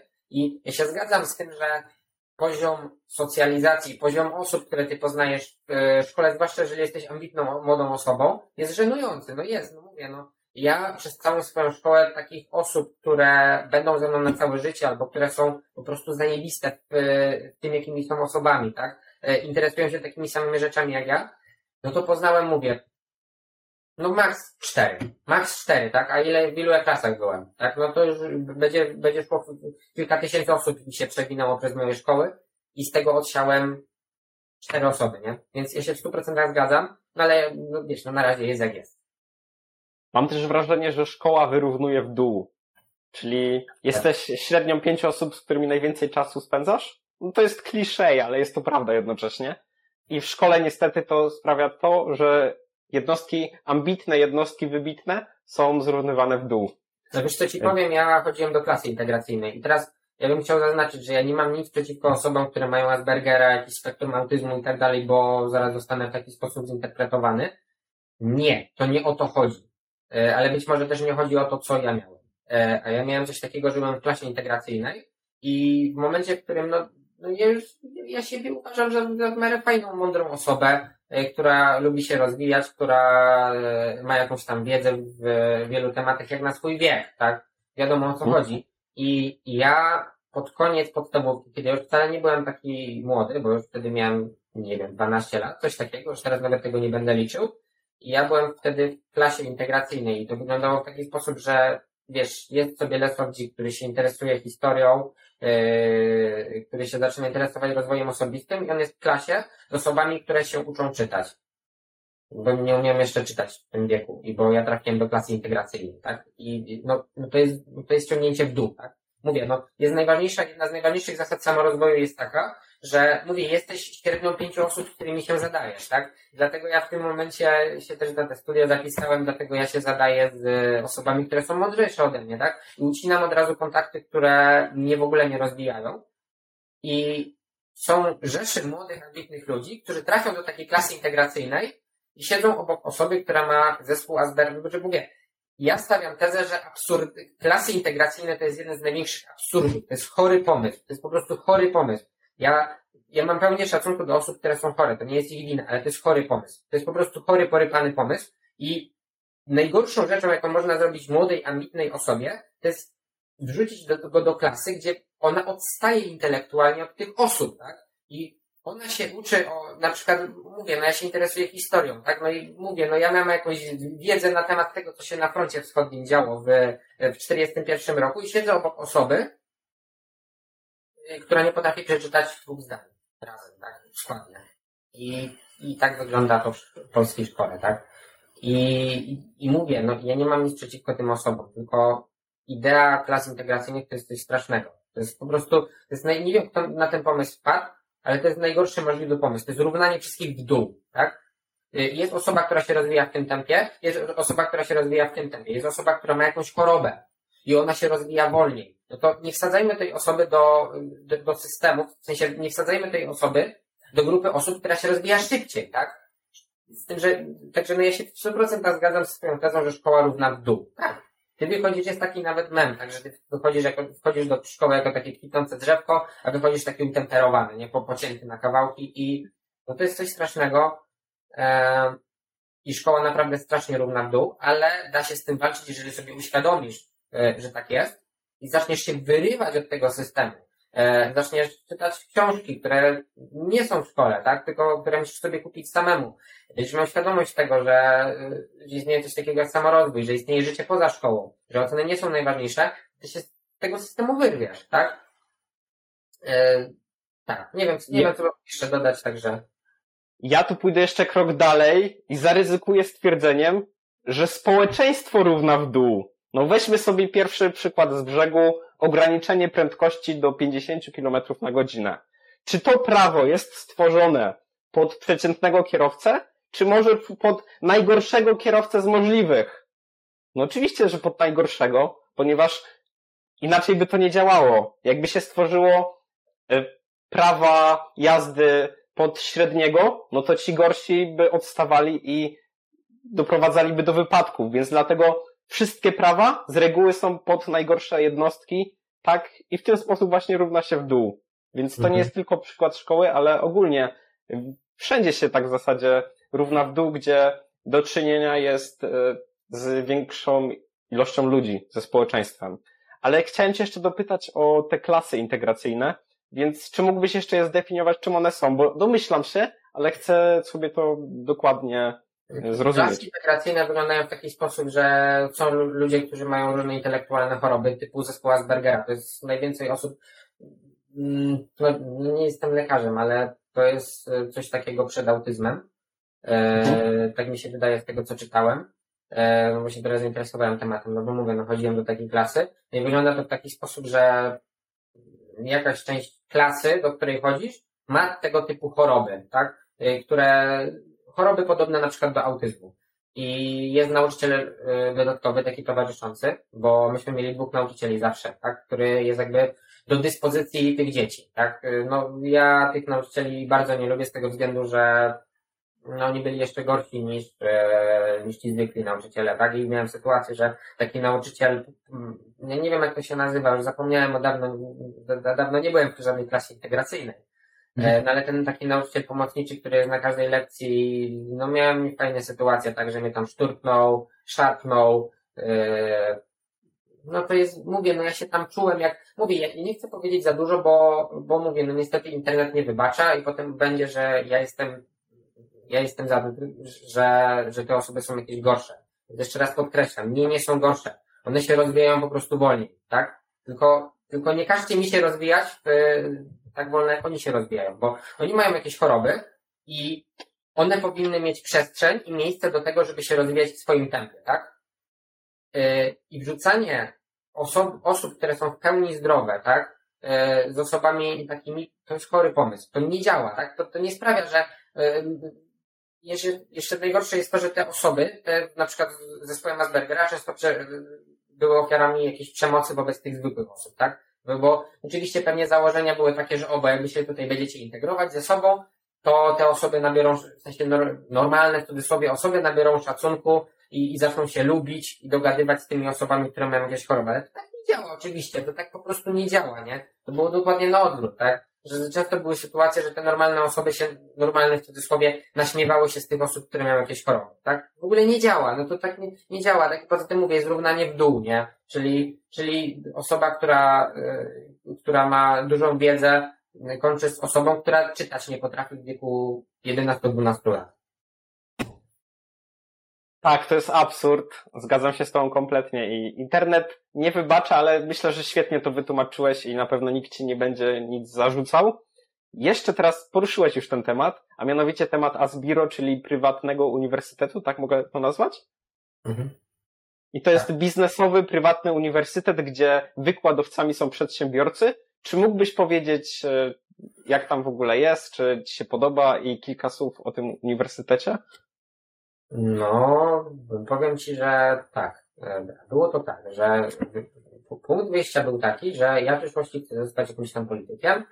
E, no i widziałem, jak niektórym politykom, którzy nie mają, którzy nie mają wyższego wykształcenia, się dopomina, że nie masz wyższego wykształcenia. Więc e, to był taki moment, w którym ja stwierdziłem, no muszę iść na te studia, z tego względu, że ja byłem po lekturach wielu książek, po wykładach wielu osób, którzy są biznesmenami i synteza tego była taka, że jeżeli tyle chcesz być przedsiębiorcą, to ty nie musisz iść na studia, że to jest bez sensu. E, że jeżeli ty masz pomysł właśnie na, na edukowanie tych młodych osób, to tobie żadne historie, bo ja w ogóle myślałem, że to będą jakieś historyczne studia, e, czy ekonomia taka państwowa, e, no bez sensu, totalnie, tak? No doszedłem do takiego wniosku, że to jest bez sensu, no ale to piernicz to i po prostu rób swoją działalność. I nie pchaj się na studia, bo to jest bez sensu, tak? Ty sobie po prostu czas tylko tym zajmiesz. Też niestety była presja dziadków, żeby zrobić to wyższe wykształcenie. A poza tym, tak jak mówię, no, jak człowiek się pcha do publicznych takich tematów, do polityki na przykład, e, no to musi mieć to wyższe wykształcenie. Po prostu no, żyjemy w takiej kulturze, musi mieć to wyższe wykształcenie.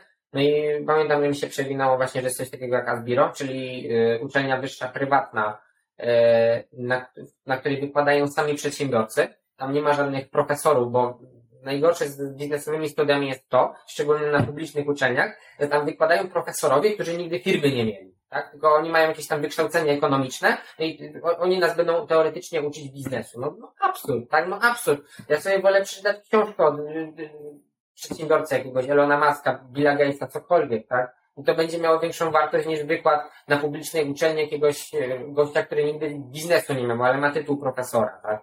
I jakby dla mnie jako przedsiębiorcy, jako, jako biznesmena przyszłego, yy, pójście na studia nie miało żadnego sensu, ale yy, zdecydowałem się, że jednak na to pójdę i naprawdę nie żałuję z tego względu, że jest świetnie i tyle osób, ile ja tam przez jeden miesiąc poznałem. Yy, takich samych jak ja, takimi samymi zainteresowaniem, z którym mogę zrobić, z którym ja mogę zrobić potencjalny biznes, jest po prostu ogrom, tak? A najlepsze jest to, że to, co mogę zdradzić, dogaduję się właśnie z tą uczelnią, że będę ich e, promował na moim TikToku, tak? Po prostu zawrzemy umowę, że będę taką, e, powiedzmy, twarzą tej naszej uczelni.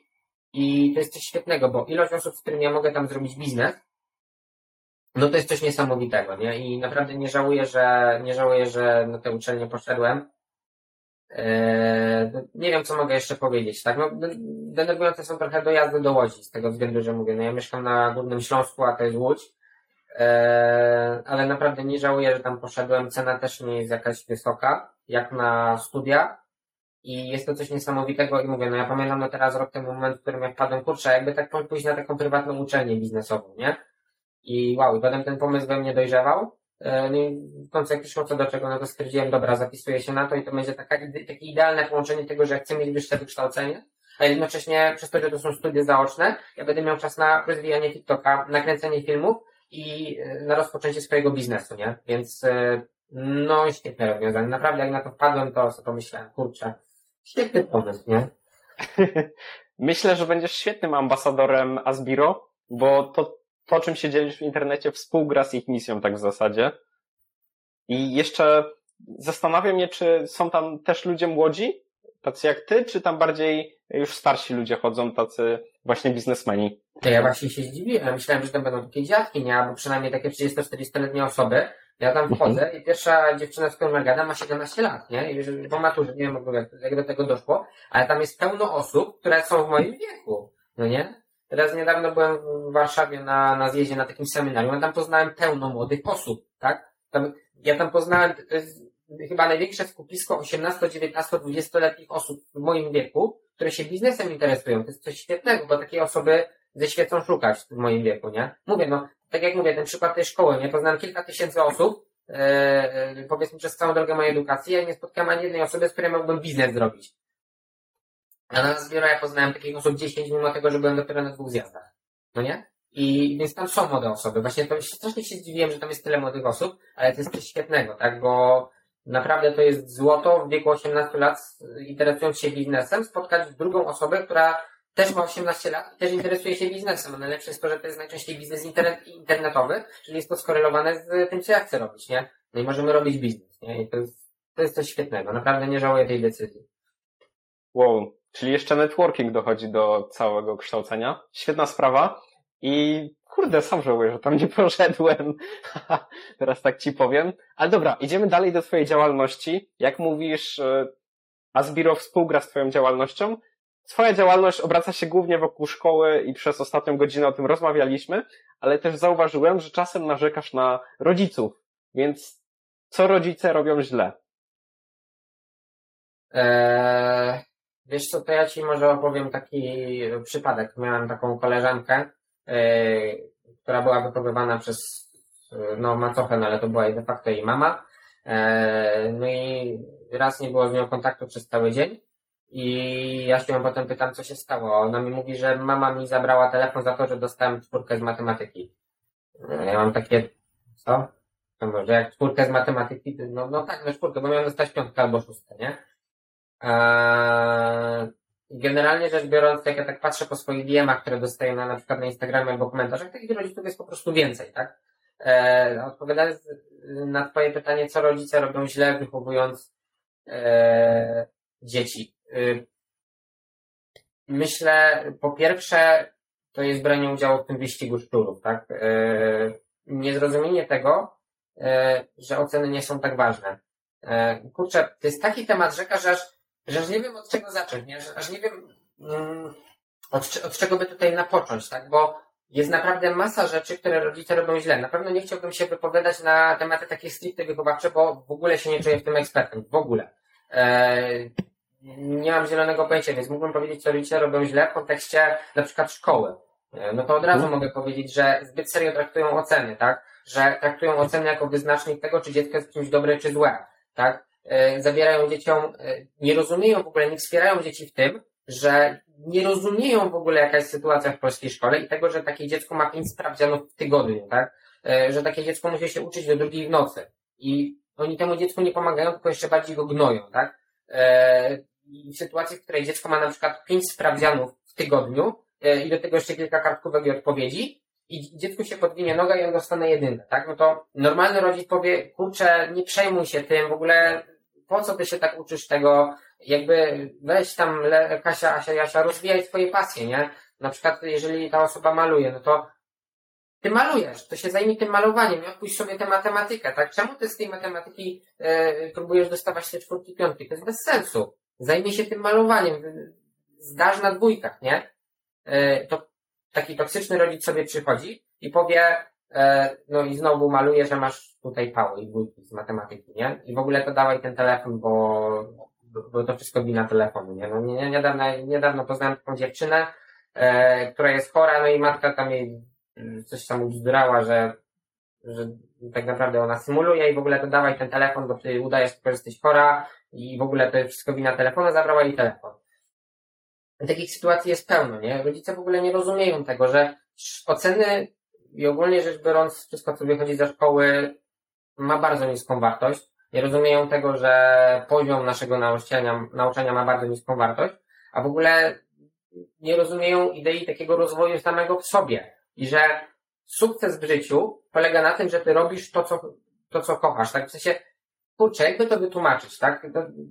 Takim dogmatem, który funkcjonuje wśród większości, szczególnie starszych osób, jest to, że jeżeli ty będziesz miał, że oni znajdują połączenie między tym, że ty masz dobre oceny i potem będziesz miał dobrze płatną pracę. No, co to ma ze sobą wspólnego, no nie? Znaczy, to, że to nie ma nic ze sobą wspólnego, to już w gimnazjum doszedłem, nie? Ale w ogóle to jest, jest w ogóle taka książka Roberta Kiyosakiego, tak? Dlaczego yy, piątkowi uczniowie yy, pracują do trójkowych, nie? I tam jest to świetnie wszystko opisane, tak? Yy, generalnie rzecz biorąc, tendencja jest taka, no kurczę, no moja mama, moja mama tego pewnie nie będzie oglądała, tak? Yy, więc mogę po niej, po, po niej troszeczkę pojechać, tak? Yy generalnie rzecz biorąc, mama teraz jest architektem, jest magistrem, inżynierem, ma naprawdę dobre wyższe wykształcenie i ona wydaje w Urzędzie Miasta pozwolenia na budowę. Ale za to pochwaliła mi się, że miała paski podstawówce, nie? A ja mówię takie, no super, no i co z tego, no nie wydajesz pozwolenia na budowę, no i co ci te paski, co ci do wykształcenia. I to jest smutne, nie? Bo ile jest dziesiątek tysięcy osób, y, które myślą w tych kategoriach, nie? Że jeżeli one dostaną piątkę, ni niestety tacy są właśnie rodzice, bo młodsze osoby już mniej, ale rodzice tacy właśnie są. E, że jeżeli ty będziesz dostawał same piątki, to po pierwsze ja się będę mogła porównać do mamy Michała, bo, bo Michał dostaje trójki i czwórki, a mój syn czy tam córka dostaje piątki, a po drugie, ja będę sobie myślała, że o, bo mój syn jest taki mądry, dostaje tutaj paski, umie te wszystkie mitochondria, umie te wszystkie pantofelki i tak dalej, wie, kiedy Kazimierz Wielki wydał przywilej szlachecki i tak dalej, to on na pewno będzie w przyszłości mądry, będzie prezesem jakiejś firmy, będzie dużo zarabiał. No nie, nie, nie będzie. No nie, jeżeli on, y, jeżeli rodzice położą lachę na pasję swojego dziecka, tak?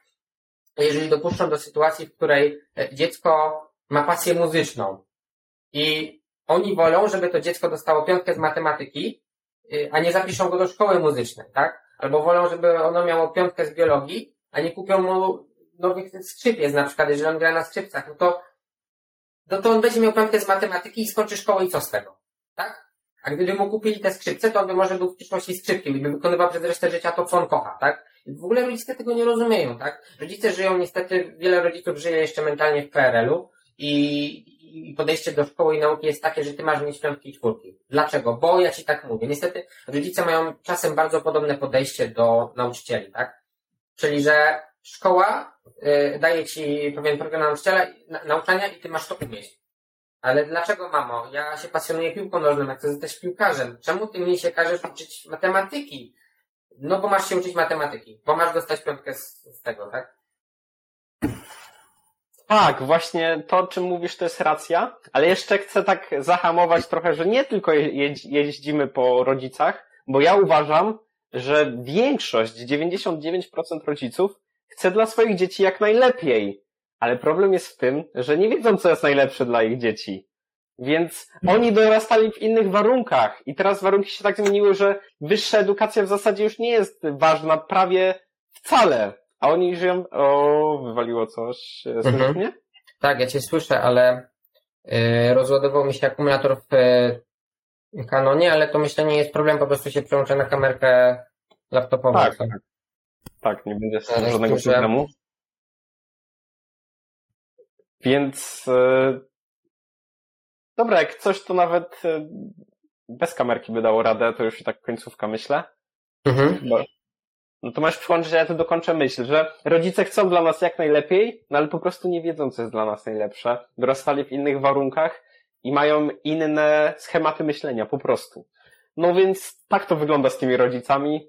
nie jest ciekawie. Czasem myślę, że nawet lepiej niż się kłócić, po prostu powiedzieć tak, tak, e, zgadza się i, i sobie po prostu pomyśleć coś innego, nie ma co się kłócić z rodzicami. Tak jest moje podejście. Czy je podzielasz? Tak, ja w ogóle myślę nad stworzeniem przyszłości takiego kursu, e, który będzie mówił o tym, jak obejść jakby te blokady rodziców i jak sprawić, że z jednej strony ro- tacy ciężcy rodzice, no bo jeżeli ktoś ma fajnych, wyrozumiałych rodziców, którzy mają pełną świadomość tego, jak dziadowski jest polski system edukacji, to nie ma problemu.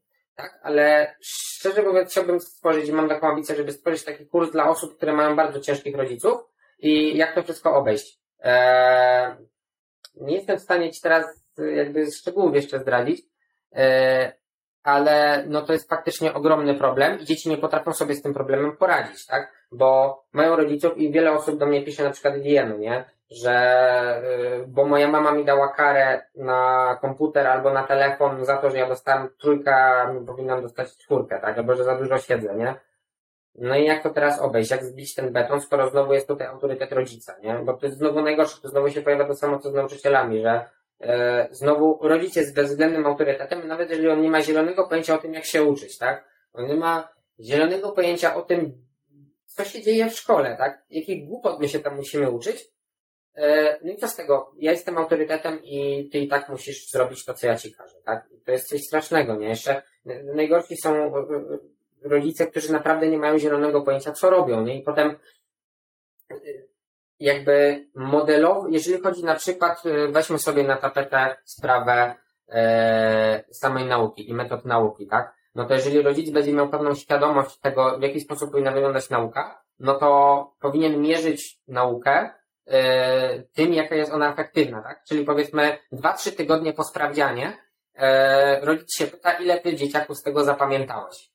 Tylko rodzice tak nie robią, bo rodzice to mają w ogóle gdzieś, tak? W sensie, w ogóle to jest najśmieszniejsze, że e, rodzic każe dziecku nauczyć się czegoś, a potem w ogóle jego nie obchodzi, czy ty się tego nauczyłeś. I i rodzica obchodzi ocena, tak? Rodzica nie obchodzi to, co ty z tego wyniosłeś. Rodzica nie obchodzi to, to, czy ty z tych przywilejów szlacheckich wy, wyciągnąłeś jakąś ciekawą informację, która ci się przyda do życia. Ty masz dostać z tych przywilejów szlacheckich piątkę, tak? I po nas choćby potop.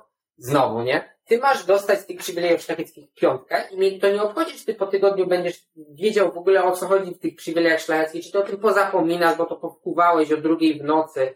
Nie obchodzi mnie to. Ty jesteś moim synem i ty masz dostać z przywilejów szlacheckich piątkę. I to jest, to jest tak absurdalne, bezsensowne podejście, ale większość rodziców nie praktykuje, nie? I to jest coś strasznego, nie? Albo mierzenie na przykład e, nauki ciężkością, tak? Czyli wchodzi rodzic i się pyta, ile ty się uczyłeś? No dwie godziny. A czemu nie trzy? Jest absurdem, bo można się uczyć skutecznie przez 15 minut dziennie, tak? I są na to skuteczne metody. Mówię znowu, polecam i odsyłam do książki Radka Kotarskiego. E, są skuteczne metody do tego, e, żeby uczyć się kilka, kilkanaście razy krócej niż na przykład wpływaniem i potem pamiętać tę wiedzę przez następne miesiące, lata, tak? Ale i tak na końcu ci wejdzie rodzic do pokoju i będzie miał do ciebie pretensje, że ty się uczysz przez e, dwie godziny, a nie trzy. No to jest absurdne, bo nie mierzy się skuteczności nauki godzinami, tak? To tak nie działa w ogóle. Jeżeli ktoś y, mierzy to, o, bo wczoraj się uczyłeś trzy godziny, a dzisiaj tylko godzinę, to pewnie wina telefonu, nie? Oczywiście zawsze musi być telefon z tyłu, nie? Że, że wina telefonu, nie? To jest w ogóle całkowite oderwanie od rzeczywistości i taki rodzic nie wie w ogóle o czym mówi. On nie ma zielonego pojęcia o metodach skutecznej nauki nowoczesnej, nie? A najgorsze jest Tak. to, że większość rodziców taka właśnie jest. Tak, y, zgadzam się z tą w stu procentach. Wracamy po króciutkiej przerwie, kamera wymieniona, więc powiedz mi teraz, bo og- oglądam twoje TikToki, widzę pełen profesjonalizm, y, świetnie zmontowany film, napisy są i tak dalej, a ciekawe mnie twoje początki, więc jak zaczynałeś? No ja tutaj muszę w ogóle zacząć od tego powiedzenia, nie, że milioner zanim zostaje milionerem czy miliarderem musi 15-20 razy zbankrutować. No i dokładnie tak samo było ze mną, z tego względu, że ja na samym początku robiłem takie straszne, koszmarne animacje e, polityczne i ja sobie wymarzyłem, że w ogóle nie miałem żadnego planu, żadnego celu, że co ja będę na tym zarabiał, co ja będę z tego robił, ale po prostu sobie robiłem dla humoru animacje polityczne, tak? I próbowałem tu pompować. W ogóle najgorsze jest to, że ja kasy wydawałem na reklamowanie tego. To straszne było, bo kilka tysięcy złotych wy- wyrzuciłem na to, żeby promować na Facebooku moje polityczne jakieś tam e, memy i, i, i animacje. Ja potem stwierdziłem, no to nie ma sensu, no, no bo to nie miało sensu i przeszedłem do strony historycznej, która nie miała jeszcze większego sensu, ale no to akurat wspominam bardzo fajnie ten okres yy, od yy, listopada 2020 do połowy zeszłego roku, kiedy ja prowadziłem tę stronę historyczną na Facebooku, ona jest pewnie tam do teraz gdzieś, zebrałem tam 12 tysięcy polubień i ja tam robiłem po prostu grafiki historyczne, nie? I po prostu robiłem historyczne posty, potem na końcu robiłem filmy, a na końcu stwierdziłem, że to nie ma sensu, no bo z tego w ogóle nie będzie kasy i to nie ma żadnej przyszłości. Ja tam z samych starych dziadków mam, w ogóle tam nie ma młodych osób, z którymi ja wolę obcować. E, no i po prostu z tego od razu zrezygnowałem, nie? Też słuchając się rad wielu osób, które też w książkach wyczytałem, że e, żeby się nie bać zrezygnować z tego, co ci nie daje żadnych korzyści. Tak po prostu z dnia na dzień stwierdziłem, że to nie ma sensu i wtedy się zorientowałem, że jedyną rzeczą jakby, na której ja bym mógł zarobić trochę pieniędzy, jednocześnie spełniać siebie, y, jakby mówić o tym y, całym systemie edukacji, bo mnie to po prostu pasjonuje. No ja czerpię przyjemność z mówienia młodym osobom, że jest jakaś inna druga droga, nie? I że są jakieś alternatywy wobec tego całego chorego systemu edukacji. E, I wtedy stwierdziłem, że jedyną drogą jest po pierwsze TikTok, z tego względu, że jest to medium, które jakby jest najlepiej dopasowane do tego, co chciałbym zrobić. E, jakby tam or organiczny wzrost jest jeszcze w miarę fajny. No teraz też na Instagramie jest w miarę fajny organiczny wzrost i też mi to od niedawna nie, nieźle działa. No, ale na ten moment stwierdziłem, że TikTok jest najlepszą platformą, mimo tego, że jej nienawidziłem, ja totalnie nienawidziłem TikToka wcześniej. I teraz też go nie lubię. Ja go nie oglądam w ogóle. W sensie ja, żeby jakieś trendy wypaczyć, nie? Jakby wiele osób się mnie pyta, ile pan TikToker spędza na TikToku? No, no, no mniej niż ty na pewno. tak zawsze odpowiadam, nie? Bo ja na TikToku spędzam ile? No, film rzucam i trochę poprzewijam, żeby zobaczyć, czy jest jakiś trend, do którego by się nie można ewentualnie dograć. No i kilka takich edukacyjnych kont, które mam za, za, zafollowowane, no to sobie sprawdzam. A tak to ja nie używam TikToka, ja tam w ogóle nie wchodzę na te Instagramy, TikToki, ja, ja jestem odizolowany od mediów społecznościowych, bo to jest uzależniające po prostu, nie? I y, ja poszedłem za radą, żeby tworzyć treści, a nie je konsumować. I to jest żelazna zasada, żeby tworzyć 10 razy więcej treści niż konsumować, tak? W, no. w internecie. No i stworzyłem cały plan. Już nie zaczynam od nowa, no bo już wiedziałem, znałem te algorytmy internetowe, wiedziałem, że najważniejsze jest watch time, tak? I tak naprawdę y, te dwa razy paradoksalnie dało mi bardzo dużo, bo już potem nie startowałem od zera w tych mediach społecznościowych, tak? Te, te memy polityczne i animacje i, i, i te historyczne sprawy dały mi, te historyczne, ta historyczna strona dała mi bardzo dużo, bo ja się dzięki temu nauczyłem mniej więcej jak to wszystko działa, jak to wszystko wygląda, co jest najważniejsze, nie? I już pod koniec tej historycznej strony ja zacząłem osiągać takie fajne wyniki na tym Facebooku, tam po 100 tysięcy na przykład wyświetleń jednego mojego filmu e, o bombardowaniu w Warszawie, z tego co pamiętam i to było naprawdę niezłe, już wiedziałem, że jeżeli ja przejdę na tego TikToka, to może coś z tego być, no nie? I potem przez pół roku robiłem plan, bo ja jestem ogólnie planistą. Ja przez pół, bite pół roku robiłem plan, kupowałem kursy, oglądałem filmy na YouTubie, jak się wybić na tym TikToku, robiłem wszystkie plany, schematy, za dużo przesadziłem, aż mam do dzisiaj arkusze, nie, że tutaj wrzucam to, tutaj tamto, ja w ogóle nigdy z tego nie wykorzystałem, nigdy tego nie wykorzystałem, ale robiłem te arkusze, nie? E, więc aż za bardzo to wszystko zaplanowałem. Mm. I totalnie się bałem przed wrzuceniem pierwszego filmu. Ja pamiętam, że ja wtedy byłem na, na parlamencie młodych RP w Warszawie i to był dzień albo dwa przed wrzuceniem filmu.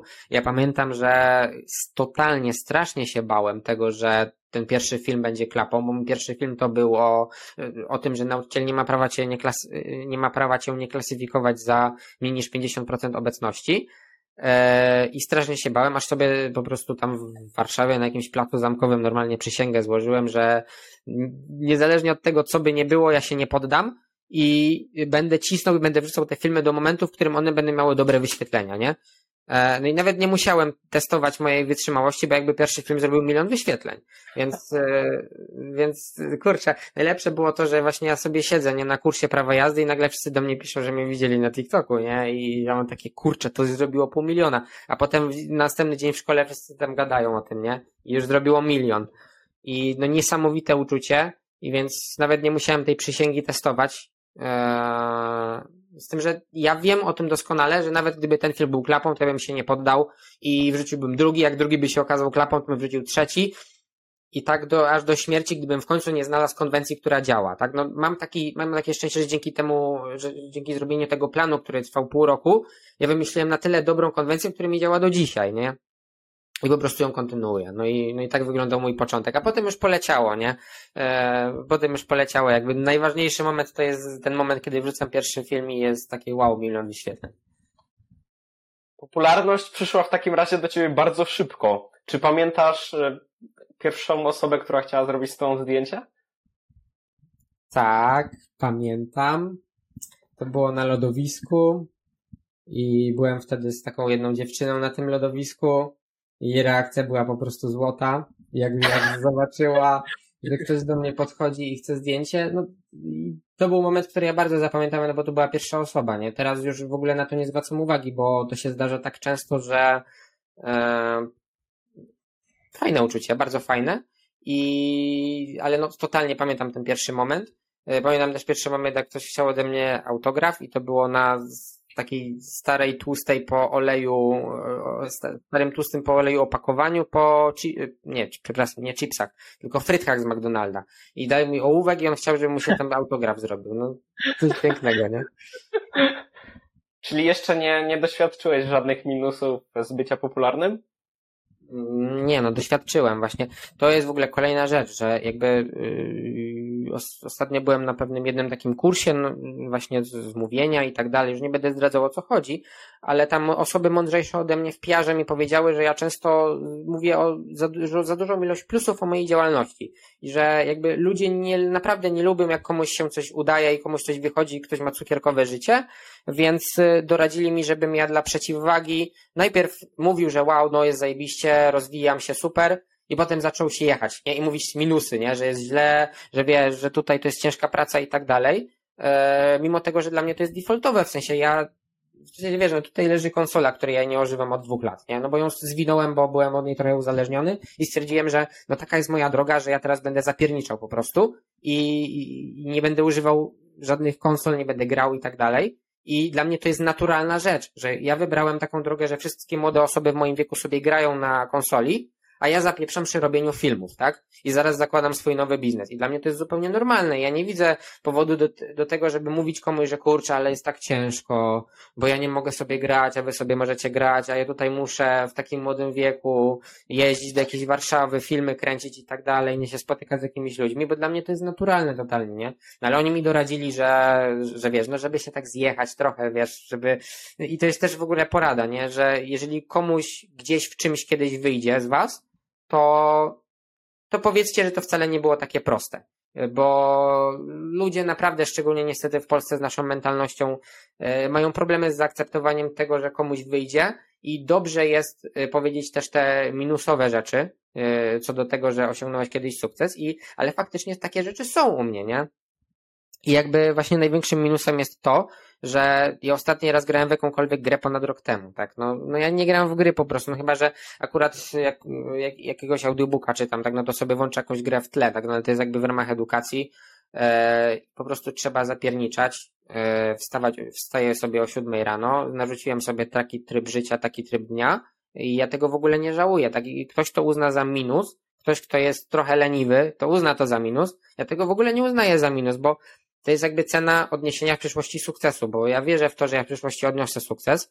E, na razie ja myślę, że naprawdę nie jest źle jak na to, że mam 18 lat, e, ale ja po prostu totalnie wierzę w to, że w przyszłości mi się uda i że ja zrealizuję swoje cele, swoje marzenia i ja jestem od początku gotowy do tego, żeby tę cenę ponieść, więc ja totalnie nie lubię mówić o tym, że o jakie są minusy twojej działalności, mimo tego, że one dla, dla, dla zwykłej osoby będą widoczne, tak, ja w ogóle tego nie traktuję jako minusy, nie? No czasem są minusy. No wczoraj miałem taką sytuację, że z jakąś tam dziewczyną sobie piszę i ja chcę z nią pograć w pytania, nie? A ona mi na to mówi, no ale przez to, że ty jesteś osobą publiczną, no to ja już tyle o tobie wiem tam z TikToka i tak dalej, że nie wiem o co mam się nawet zapytać, nie? Ja mam takie, no słabe, no, słabe to jest trochę, w sensie największą rzeczą, jaką ja nie lubię w tej całej popularności jest to, że często mam taki handicap, nie? Że ja nie mogę się w ogóle wykazać, że ja nie mogę pokazać swojej prawdziwej strony, bo wszyscy od razu, o, Lesław Dzik, TikToker i tak dalej. I no czasem mnie to denerwuje z tego względu, że mówię, no ja mam taki handicap nad innymi osobami, A ja tego nie chcę, no ja chcę, myślę, ja jestem w miarę ambitną osobą i ja bym wolał jakby wpisać się w łaski jakiejś innej fajnej osoby, nie przez to, że jestem popularny, ale za to, jaką jestem osobą, nie? I chciałbym, żeby ludzie mnie lubili za to, jaką jestem osobą, a nie przez to, że mam popularne konto na TikToku, tak? W ogóle najgorsze są osoby, które się zaczęły do mnie odzywać, bo zobaczyły, że wiesz, mam jakieś popularne konto i, i że jestem popularny i tak dalej, nie? No walić takie osoby, ja takich osób totalnie nie szanuję, tak? E, ja od początku, kiedy od mom w momencie, w którym ja byłem nikim, do momentu w momencie teraz, kiedy jestem w miarę popularny, ja swoich znajomych nie zmieniłem. Ja mam podobnych znajomych i w sensie tych takich fajnych, których ja naprawdę szanuję i lubię. No bo y, tych takich bardziej patologicznych usunąłem. Usunąłem totalnie, bo mówię, to jest dno i ich usunąłem w ramach tej zasady, by się, by, by się trzymać z inteligentnymi osobami ale ja nie zmieniłem swoich znajomych, dlatego że się stałem popularniejszy, tak? Ja ich nadal lubię za to, jakimi osobami są.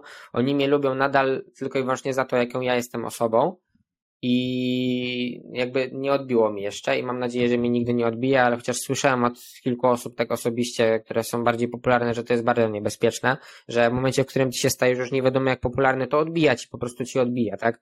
Jak, nie wiem, jak zostanę tam zaproszony do telewizji czy coś, chociaż już byłem przedwczoraj, tak? Już tam mówili niektórzy, że widzieli w kadrze gdzieś tam jak przychodziłem po Sejmie, e, to, to mam nadzieję, że mi nigdy żadna soduwa nie odbije. Liczę na siebie. E, a tak poza tym, no to nie wiem, co bym mógł jeszcze powiedzieć w tym temacie. Powiedziałeś bardzo dużo. Jeżeli chodzi o to odbijanie, i tu zależy to, o czym ludzie mówią, no ale chodzi o odbijanie od e, popularności, ale tak samo mówią ludzie w kontekście pieniędzy, a ja mam wrażenie, że pieniądze i popularność tylko uwypuklają, jaką osobą jesteś. Nie zmieniają cię, a bardziej uwypuklają to, jaki od, od zawsze byłeś. Jeżeli chodzi o kwestię umniejszania sobie, to to jest typowo polskie. Ktoś cię chwali, a ty musisz mu powiedzieć, nie, no co ty, to nie jest tak, to, było, to było łatwe, albo to było, no nie, to łatwe było, to było trudne w zależności od kontekstu, ale ogólnie chodzi o to, że ludzie lepiej się czują, jak sobie umniejszasz i swoim osiągnięciom, ale ja bym tego nie praktykował. No jeżeli chcesz trafiać, tak jak ty trafiasz do setek tysięcy ludzi, no to tak, ale jak ja osobiście nie chcę trafiać do przeciętnych ludzi. Ja chcę trafiać do ludzi na swoim poziomie. I tacy ludzie lubią słyszeć o osiągnięciach, ich to motywuje, że słyszą, że ten gość osiągnął to, ten to, kurde, ja jeszcze jestem w tym punkcie, jakby to zrobić, zapytam go, tu się doszkolę i tak dalej, to motywuje, a nie, że e, nie, w życiu nie chodzi o to, żeby czuć się gorzej albo lepiej w porównaniu do kogoś innego, ale żeby samemu się doskonalić po prostu. Więc ten temat mocno mi się nawinął, jak słuchałem, o czym mówiłeś. I właśnie z tą popularnością łączy się też hejt. I chyba masz dużo tego hejtu, czy nie? Znaczy, ja mam dużo hejtu. No, szczerze powiedziawszy, to nawet nie wiem, bo jakby ja mam wydzielone sobie bloki na sprawdzanie tych mediów społecznościowych. Ja te media społecznościowe sprawdzam tylko właśnie wtedy, więc ja jakby mam bardzo mało czasu wydzielone na czytanie komentarzy. Więc czy ja mam dużo hejtu? No, no, ja nie wiem, musiałbym popytać innych jakby twórców, którzy są równie popularni, albo nawet bardziej, e, ile tam dostają różnych nienawistnych komentarzy, z tym, że no ja od razu mówię, że ja mam tu po prostu gdzieś, totalnie gdzieś, nie interesuje mnie to, nie obchodzi mnie to. E, ja mam do tego takie podejście, że ktoś mi napisze jakąś taką nienawistną wiadomość, no to mam takie, wow, ja robię taką zajebistą robotę, że ten człowiek chce poświęcić swój własny czas na to, żeby mi napisać taką obelgę, tak? I zamiast zająć się swoimi sprawami, zamiast, nie wiem, zrobić coś ze swoim życiem, tak, zamiast stać tej kanapy z, z tym piwem w ręku, on woli pisać mi takie komentarze nienawistne, no nie? No, no, o, no o czym to świadczy? No o nim tylko świadczy, nie? I ja mam takie podejście i o wiele bardziej mnie boli konstruktywna krytyka, kiedy ktoś usiądzie i naprawdę bez żadnych emocji, tylko konstruktywnie mi wypomni, że ja nie mam racji. To się często zdarza, no bo, no bo każdy czasem nie ma racji, nie? I jakby, jeżeli chodzi o hejt, ja mam to totalnie gdzieś. Nie obchodzi mnie to. Jeżeli ktoś mi napisze jakąś nienawistną wiadomość, niedawno tak było pod jakimś zdjęciem, że jakiś starszy, starsza osoba tam w ogóle zaczęła jechać po młodych osobach, też nie tylko po mnie, ale ogólnie po wszystkich młodych osobach. Ja zrobiłem tego screen, zamazałem mu twarz i to wrzuciłem na, na swoje story, nie? Że, że ktoś wie o co mu chodzi, XD. I, I jakie są moje reakcje na hejt? Mam to gdzieś, a potem to usunąłem, nie? No i tyle. I, i, I każdemu też polecam z tym, że ja wiem, że, że wiele osób ma z tym problemy, jakby. E, raz odpytywałem, e, jeżeli chodzi o, robiłem wywiad w Katowicach na, na temat obrony.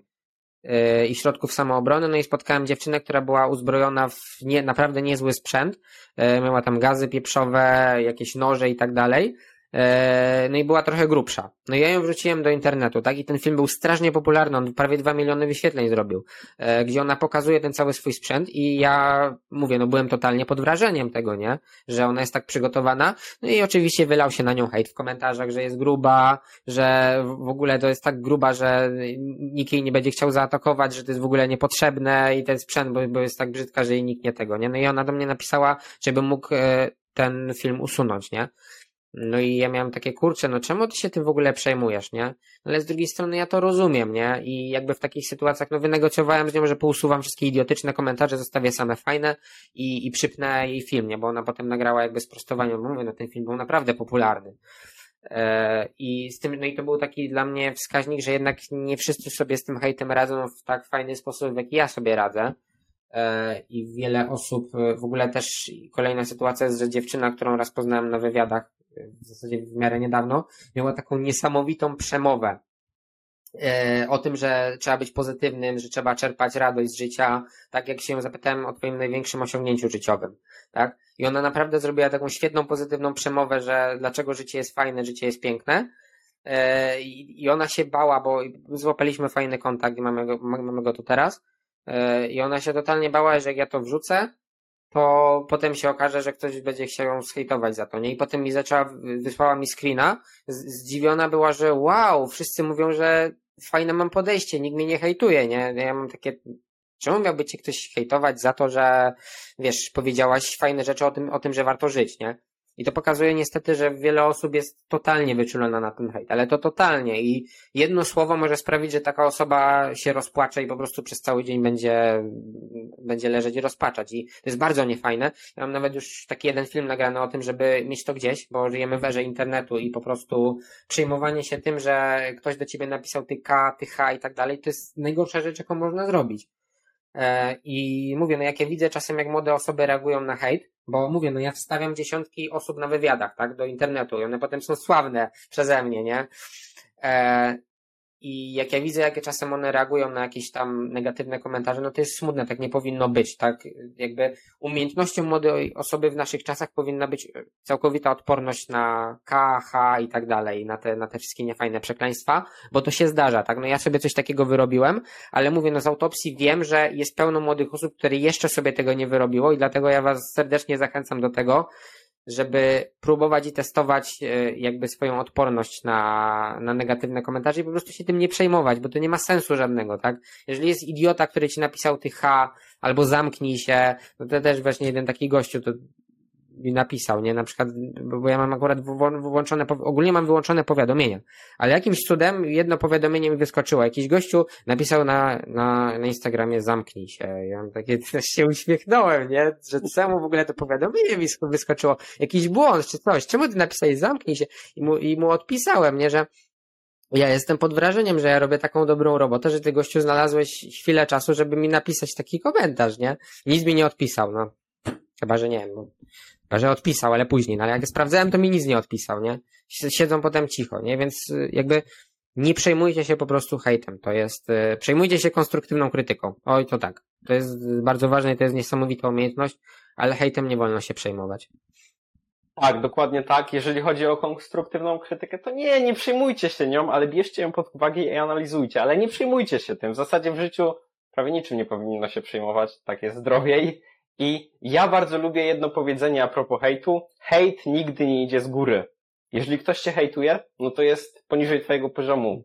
I ja, ja zauważyłem, że ci ludzie z najwyższego poziomu tak trudno to sklasyfikować, ale po prostu ci ludzie, którzy ogarniają, oni nigdy nie hejtują. Nigdy, przenigdy. Tak. Więc hejt nigdy nie idzie z góry. To jest bardzo dobre określenie tego wszystkiego.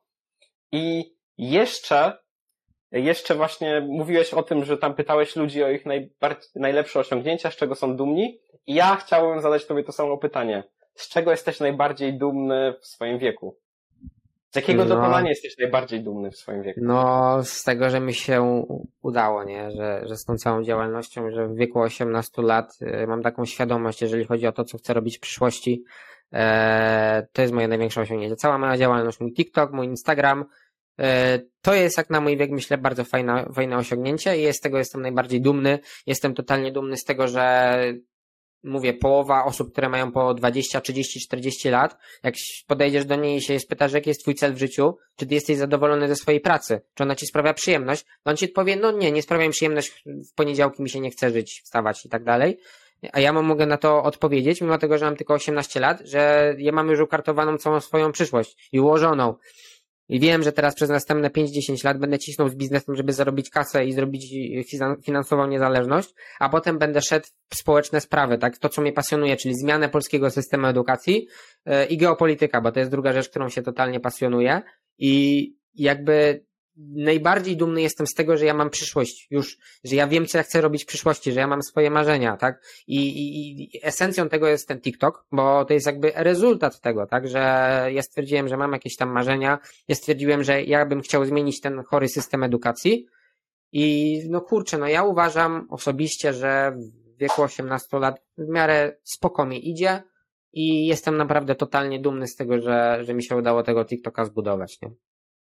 Rozmawialiśmy wcześniej o umniejszaniu sobie. Teraz mówisz, udało mi się. Tobie się nie udało, ty to zrobiłeś po prostu. Zaplanowałeś wszystko, robiłeś research, edukowałeś się i po prostu to zrobiłeś. Więc właśnie nawet polski język jest taki, że podchodzi do tego umniejszania sobie jako do normy. Więc po prostu tobie się uda nie udało, tylko po prostu to zrobiłeś. Moim zdaniem. Ale jeszcze mam jedno pytanie a propos tych wywiadów. Więc rozmawiałeś z ogromną liczbą młodych ludzi zgaduję. Więc jaki obraz współczesnego nastolatka byś zarysował? Jak, jaka ta osoba jest? Przeciętnie oczywiście, średnio. Eee, szczerze, najważniejszą rzeczą w tym temacie jest to, że my nie wiemy, jak było kiedyś. W sensie, no, stałeś kiedyś w, obok dzieci z lat 20 i 30, 30 no, no nie stałeś. nie wiesz, jakie oni mieli nawyki, ile oni palili, nie wiesz o czym oni gadali i czy oni gadali o wiadomo o czym, e, czy oni o tym nie gadali, czy oni gadali o, o inteligentnych rzeczach, tak? E, my tego tak naprawdę nie wiemy, w sensie ciężko mi jest porównać, bo ja jestem osobą, która się historią interesuje, tak? No i jak ktoś się mnie pyta, jacy są współcześni nastolatkowie, no to ja od razu mówię, no w porównaniu do czego? No tak, no bo jeżeli porównamy takie osoby, nie wiem, z, z nastolatkami z XVII, XVIII, XIX wieku, to ciężko będzie to zrobić, bo my nie wiemy, jacy oni byli, tak? Wiesz, gdybym ja y, mógł się przeteleportować do dwudziestolecia międzywojennego i sobie pochodzić do przedwojennego liceum, tak? I po, posłuchać, czego ci słuchali, czy to był, nie wiem, jakiś przed, nie wiem, przedwojenny rap, chciałem powiedzieć. Polski. E, no w każdym razie nie, ciężko mi to jest porównywać, tak? Ja mogę powiedzieć e, tylko i wyłącznie, co ja sądzę o współczesnych nastolatkach tak stricte, tak? Ale ciężko mi to jest porównać do tego, co było kiedyś, bo nie wiem, no, no nie wiem, no urodziłem się w 2003 roku i mimo tego, że się historią interesuje, to nie potrafiłbym scharakteryzować nastolatka z lat 20-30, a tym bardziej porównać go do współczesnego. A jeżeli chodzi o współczesnych nastolatków, to ja uważam, że nigdy w historii świata nie było tylu okazji i tylu szans do tego, żeby osiągnąć sukces, jakie są teraz, tak? Y, mamy telefony, mamy komputery, mamy narzędzia, które mogą sprawić, że jednym kliknięciem zarobimy miliony złotych, tak? Jednym kliknięciem też możemy je stracić, tak? I w ogóle, y, co ja chcę przez to powiedzieć? Chciałbym przez to powiedzieć to, że jak ja czasem wrzucam filmy o tym, że jest źle w polskim systemie edukacji, to starsze osoby mi piszą, że o, ty tutaj tak krytykujesz, w sensie tak mówisz, że ci nastolatkowie mają się źle, a tam w powstaniu warszawskim w latach 40. to tam dzieci umierały i tak dalej, nie? I że w ogóle dzieci się mają najlepiej w historii. Ja mam takie, no tak, ja się z tym zgadzam, ale ja w ogóle, kiedy ja wam ludzie powiedziałem, że współcześni nastolatkowie mają się źle? Ja tylko mówię, i teraz przechodzimy do sedna, że współczesny nastolatek to jest osoba, która ma w ręku ogrom narzędzi do tego, żeby osiągnąć sukces, żeby wiedzieć, co zrobić ze swoim życiem, tylko ona jest ślepa, jest zaślepiona i ona nie widzi, że w ogóle ma to narzędzie. On nie ma świadomości, że ma te narzędzia w, w rękach. Jest zagubiona. Współcześni nastolatkowie są, jeżeli chodzi o, o karierę, jeżeli chodzi o jakby marzenia, próbę osiągnięcia sukcesu, oni są zagubieni, oni nie wiedzą, co robić, tak? E, nie muszą iść na wojnę. Nie muszą umierać za Polskę. E, ale są zagubieni. I jak ja o tym mówię, że, że ktoś jest zagubiony, bo na przykład ma rodziców, którzy go tępią mu kreatywność, ma szkołę, która mu tępi kreatywność, to potem od razu jest, że o, bo w latach 30. to dzieci wody nie miały, a w Afryce w ogóle dzieci też teraz wody nie mają, a w latach 40. to musiały iść na front. No okej, okay, spoko, nie? Ale ja nie mówię, że współcześni nastolatkowie mają się gorzej niż mieli ci kiedyś. Mi chodzi tylko i wyłącznie o to, że współcześni nastolatkowie po pierwsze przez to, że są rozpraszani masą informacji, TikTok, Instagram, Facebook, e, łatwo popaść w uzależnienia. Naprawdę łatwo i trzeba się pilnować, dlatego ja każdemu, każdego zachęcam do zainstalowania sobie aplikacji, które e, wam blokują te wszystkie social media, na przykład Stay Focus serdecznie polecam, to kosztuje 15 zł, a naprawdę oszczędza masę czasu. I po pierwsze są zagubieni ze względu na natłok informacji, a po drugie są zagubieni ze względu, szczególnie w, w takim kraju jak Polska, ze względu na system edukacji, e, który jest po prostu dziadowski, idiotyczny, tępi marzenia, tępi kreatywność e, i sprawia, że ty zamiast rozwijać swoją pasję, na przykład muzyczną, ty się musisz uczyć do biologii na test, mimo tego, że ty chcesz być muzykiem, a nie biologiem. To ty musisz siedzieć i się uczyć mitochondriów, tak? Albo tych przywilejów szlajeckich, mimo tego, że ty chcesz być muzykiem, tak? I, I to jest problem, tak? To jest właśnie ta zaślepka na oczy, nie? Kolejną rzeczą są rodzice, tak? No i mówię, no i, i będziesz fajną, ambitną osobą, a trafisz na rodziców, którzy na przykład mają rozwód, nie? I ci niszczą całe życie przez to, nie? Albo na przykład na matkę, która ci zabiera telefon, bo dostałeś czwórkę, tak? I o to mi chodzi, jeżeli ja, ja mówię, że współcześni nastolatkowie mają się źle, tak? Ja mówię o tym, że y, jeżeli taki współczesny nastolatek y, znajdzie drogę i zobaczy, że ma te narzędzia w ręku, tak? Że, że jeżeli on pozna, no nie wiem, na przykład biznes, tak? Że jeżeli przeczyta trochę książek o tym, że jeżeli wejdzie w temat, to on może w perspektywie kilku lat zarobić miliony, tak? Tylko oni mają zaślepkę na oczach, tak? Wszyscy młodzi ludzie, niestety, znaczy większość młodych ludzi, niestety, tak? I potem przychodzi do tego, że ja się takiej młodej osoby pytam, co ty chcesz w życiu robić, nie? Ona odpowiada, że nie wiem, nie mam pojęcia, jestem głupia, nie? Że najbardziej nie, nie lubię młodych osób, które same po sobie jadą, nie? I, I mówią, że ja jestem głupi, beznadziejny, niczego się nie nadaje, tak? Ja po prostu sobie język tępię na, na prostowaniu tego, tak? I mówię, nie, nie, nie jesteś taki, weź, znajdź swoją pasję, tak? Co ty lubisz robić w życiu? No, no nie wiem, no lubię grać piłkarzem. No to dlaczego nie zostaniesz tym piłkarzem, tak? Dlaczego ciągle narzekasz na to, że musisz się uczyć na test z matematyki? No to się na niego nie ucz. To, to, to idź w tę pasję swoją, nie?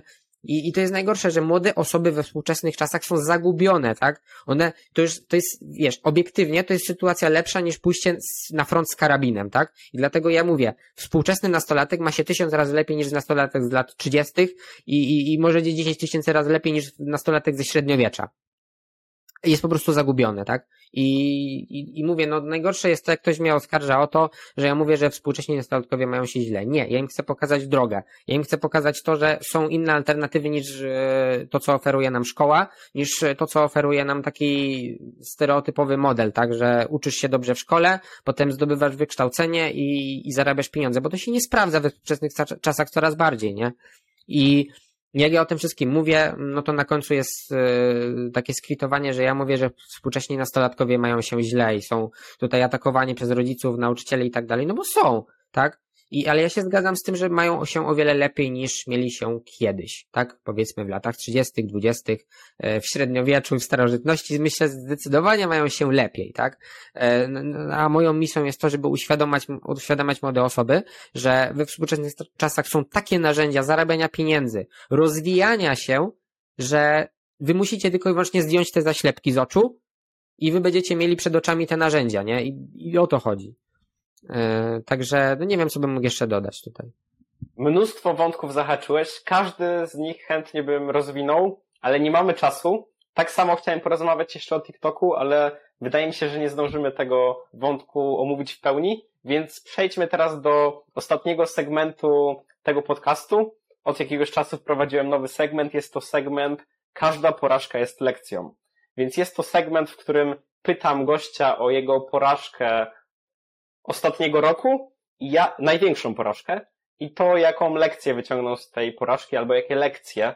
Więc y, teraz zapytam Ciebie, jaką największą porażkę popełniłeś w poprzednim roku?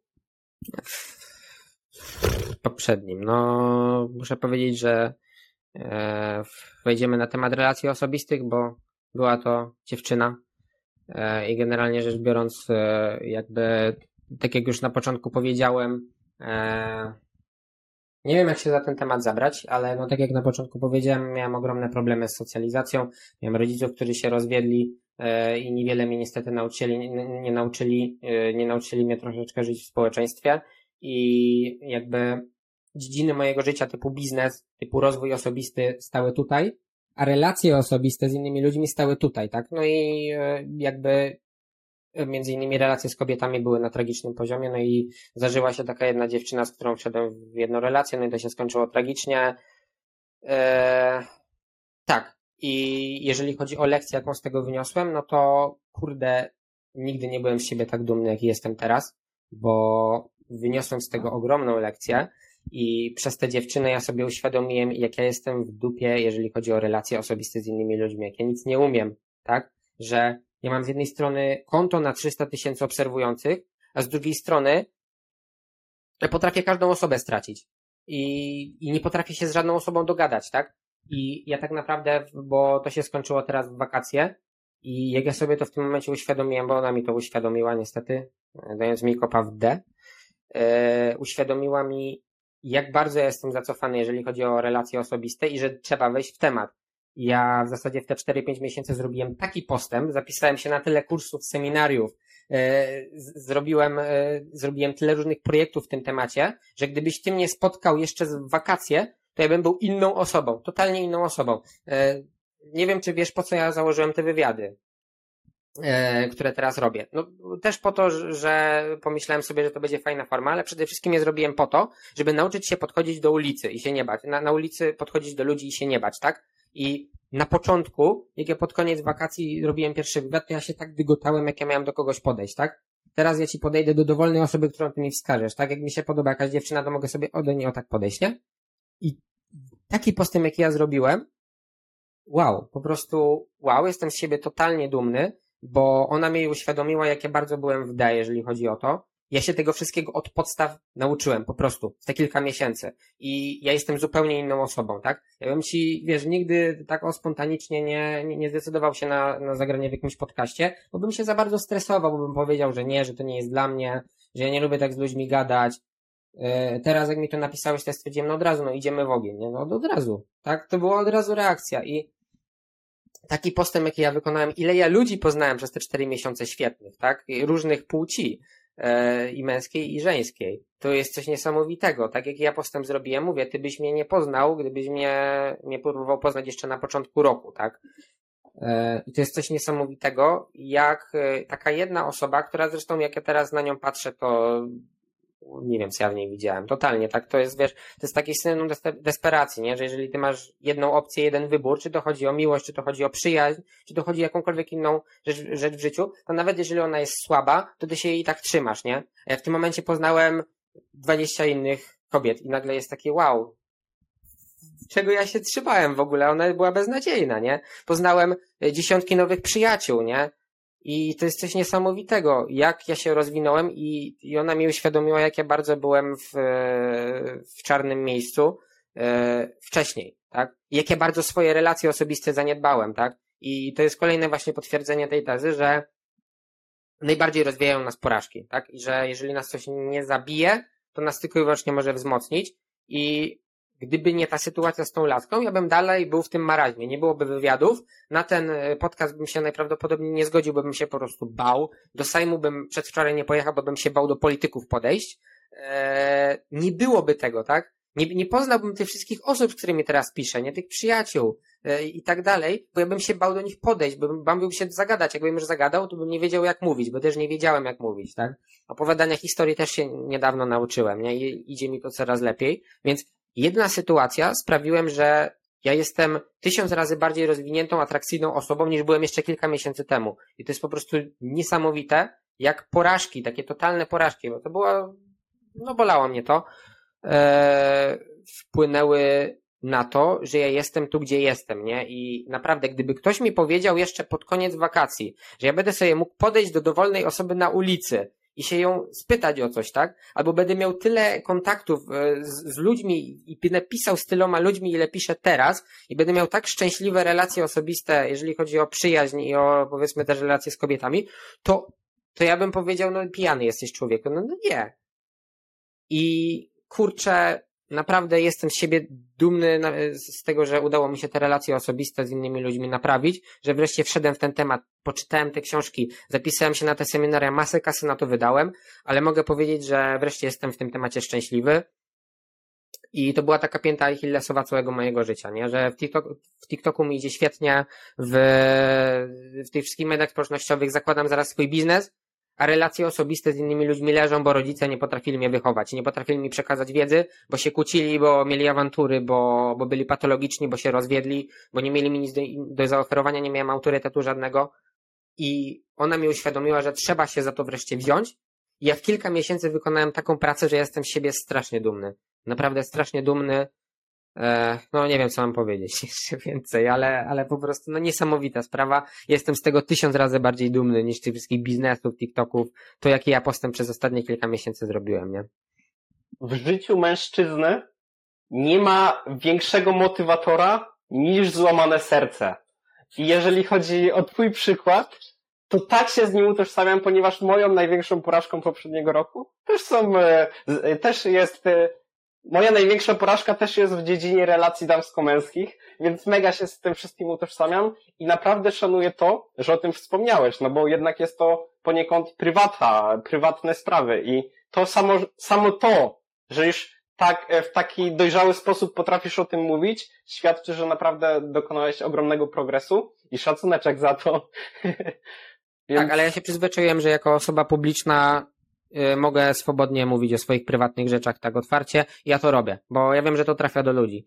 Ja wiem, że to trafia do ludzi, jak ja powiem coś bardzo prywatnego i mi to też nie przeszkadza. W sensie ja się przyznaję do tej porażki, że zwaliłem, nie? Taką osobą, jaką ja byłem wtedy, to było coś strasznego i ja potrafiłem zniszczyć każdą, nawet najbardziej obiecującą relację z inną osobą, czy to była relacja z kobietami, czy to była relacja z przyjaciółmi.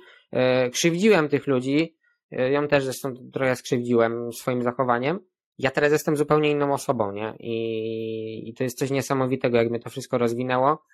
E, Ale ja uważam, że trzeba mówić o takich prywatnych rzeczach, zwłaszcza jeżeli jest się osobą publiczną. Ja czuję pewną misję, żeby może ktoś to obejrzy i stwierdzi, że no kurczę, też się, się trzeba za to zabrać, bo poniosłem podobną porażkę, nie?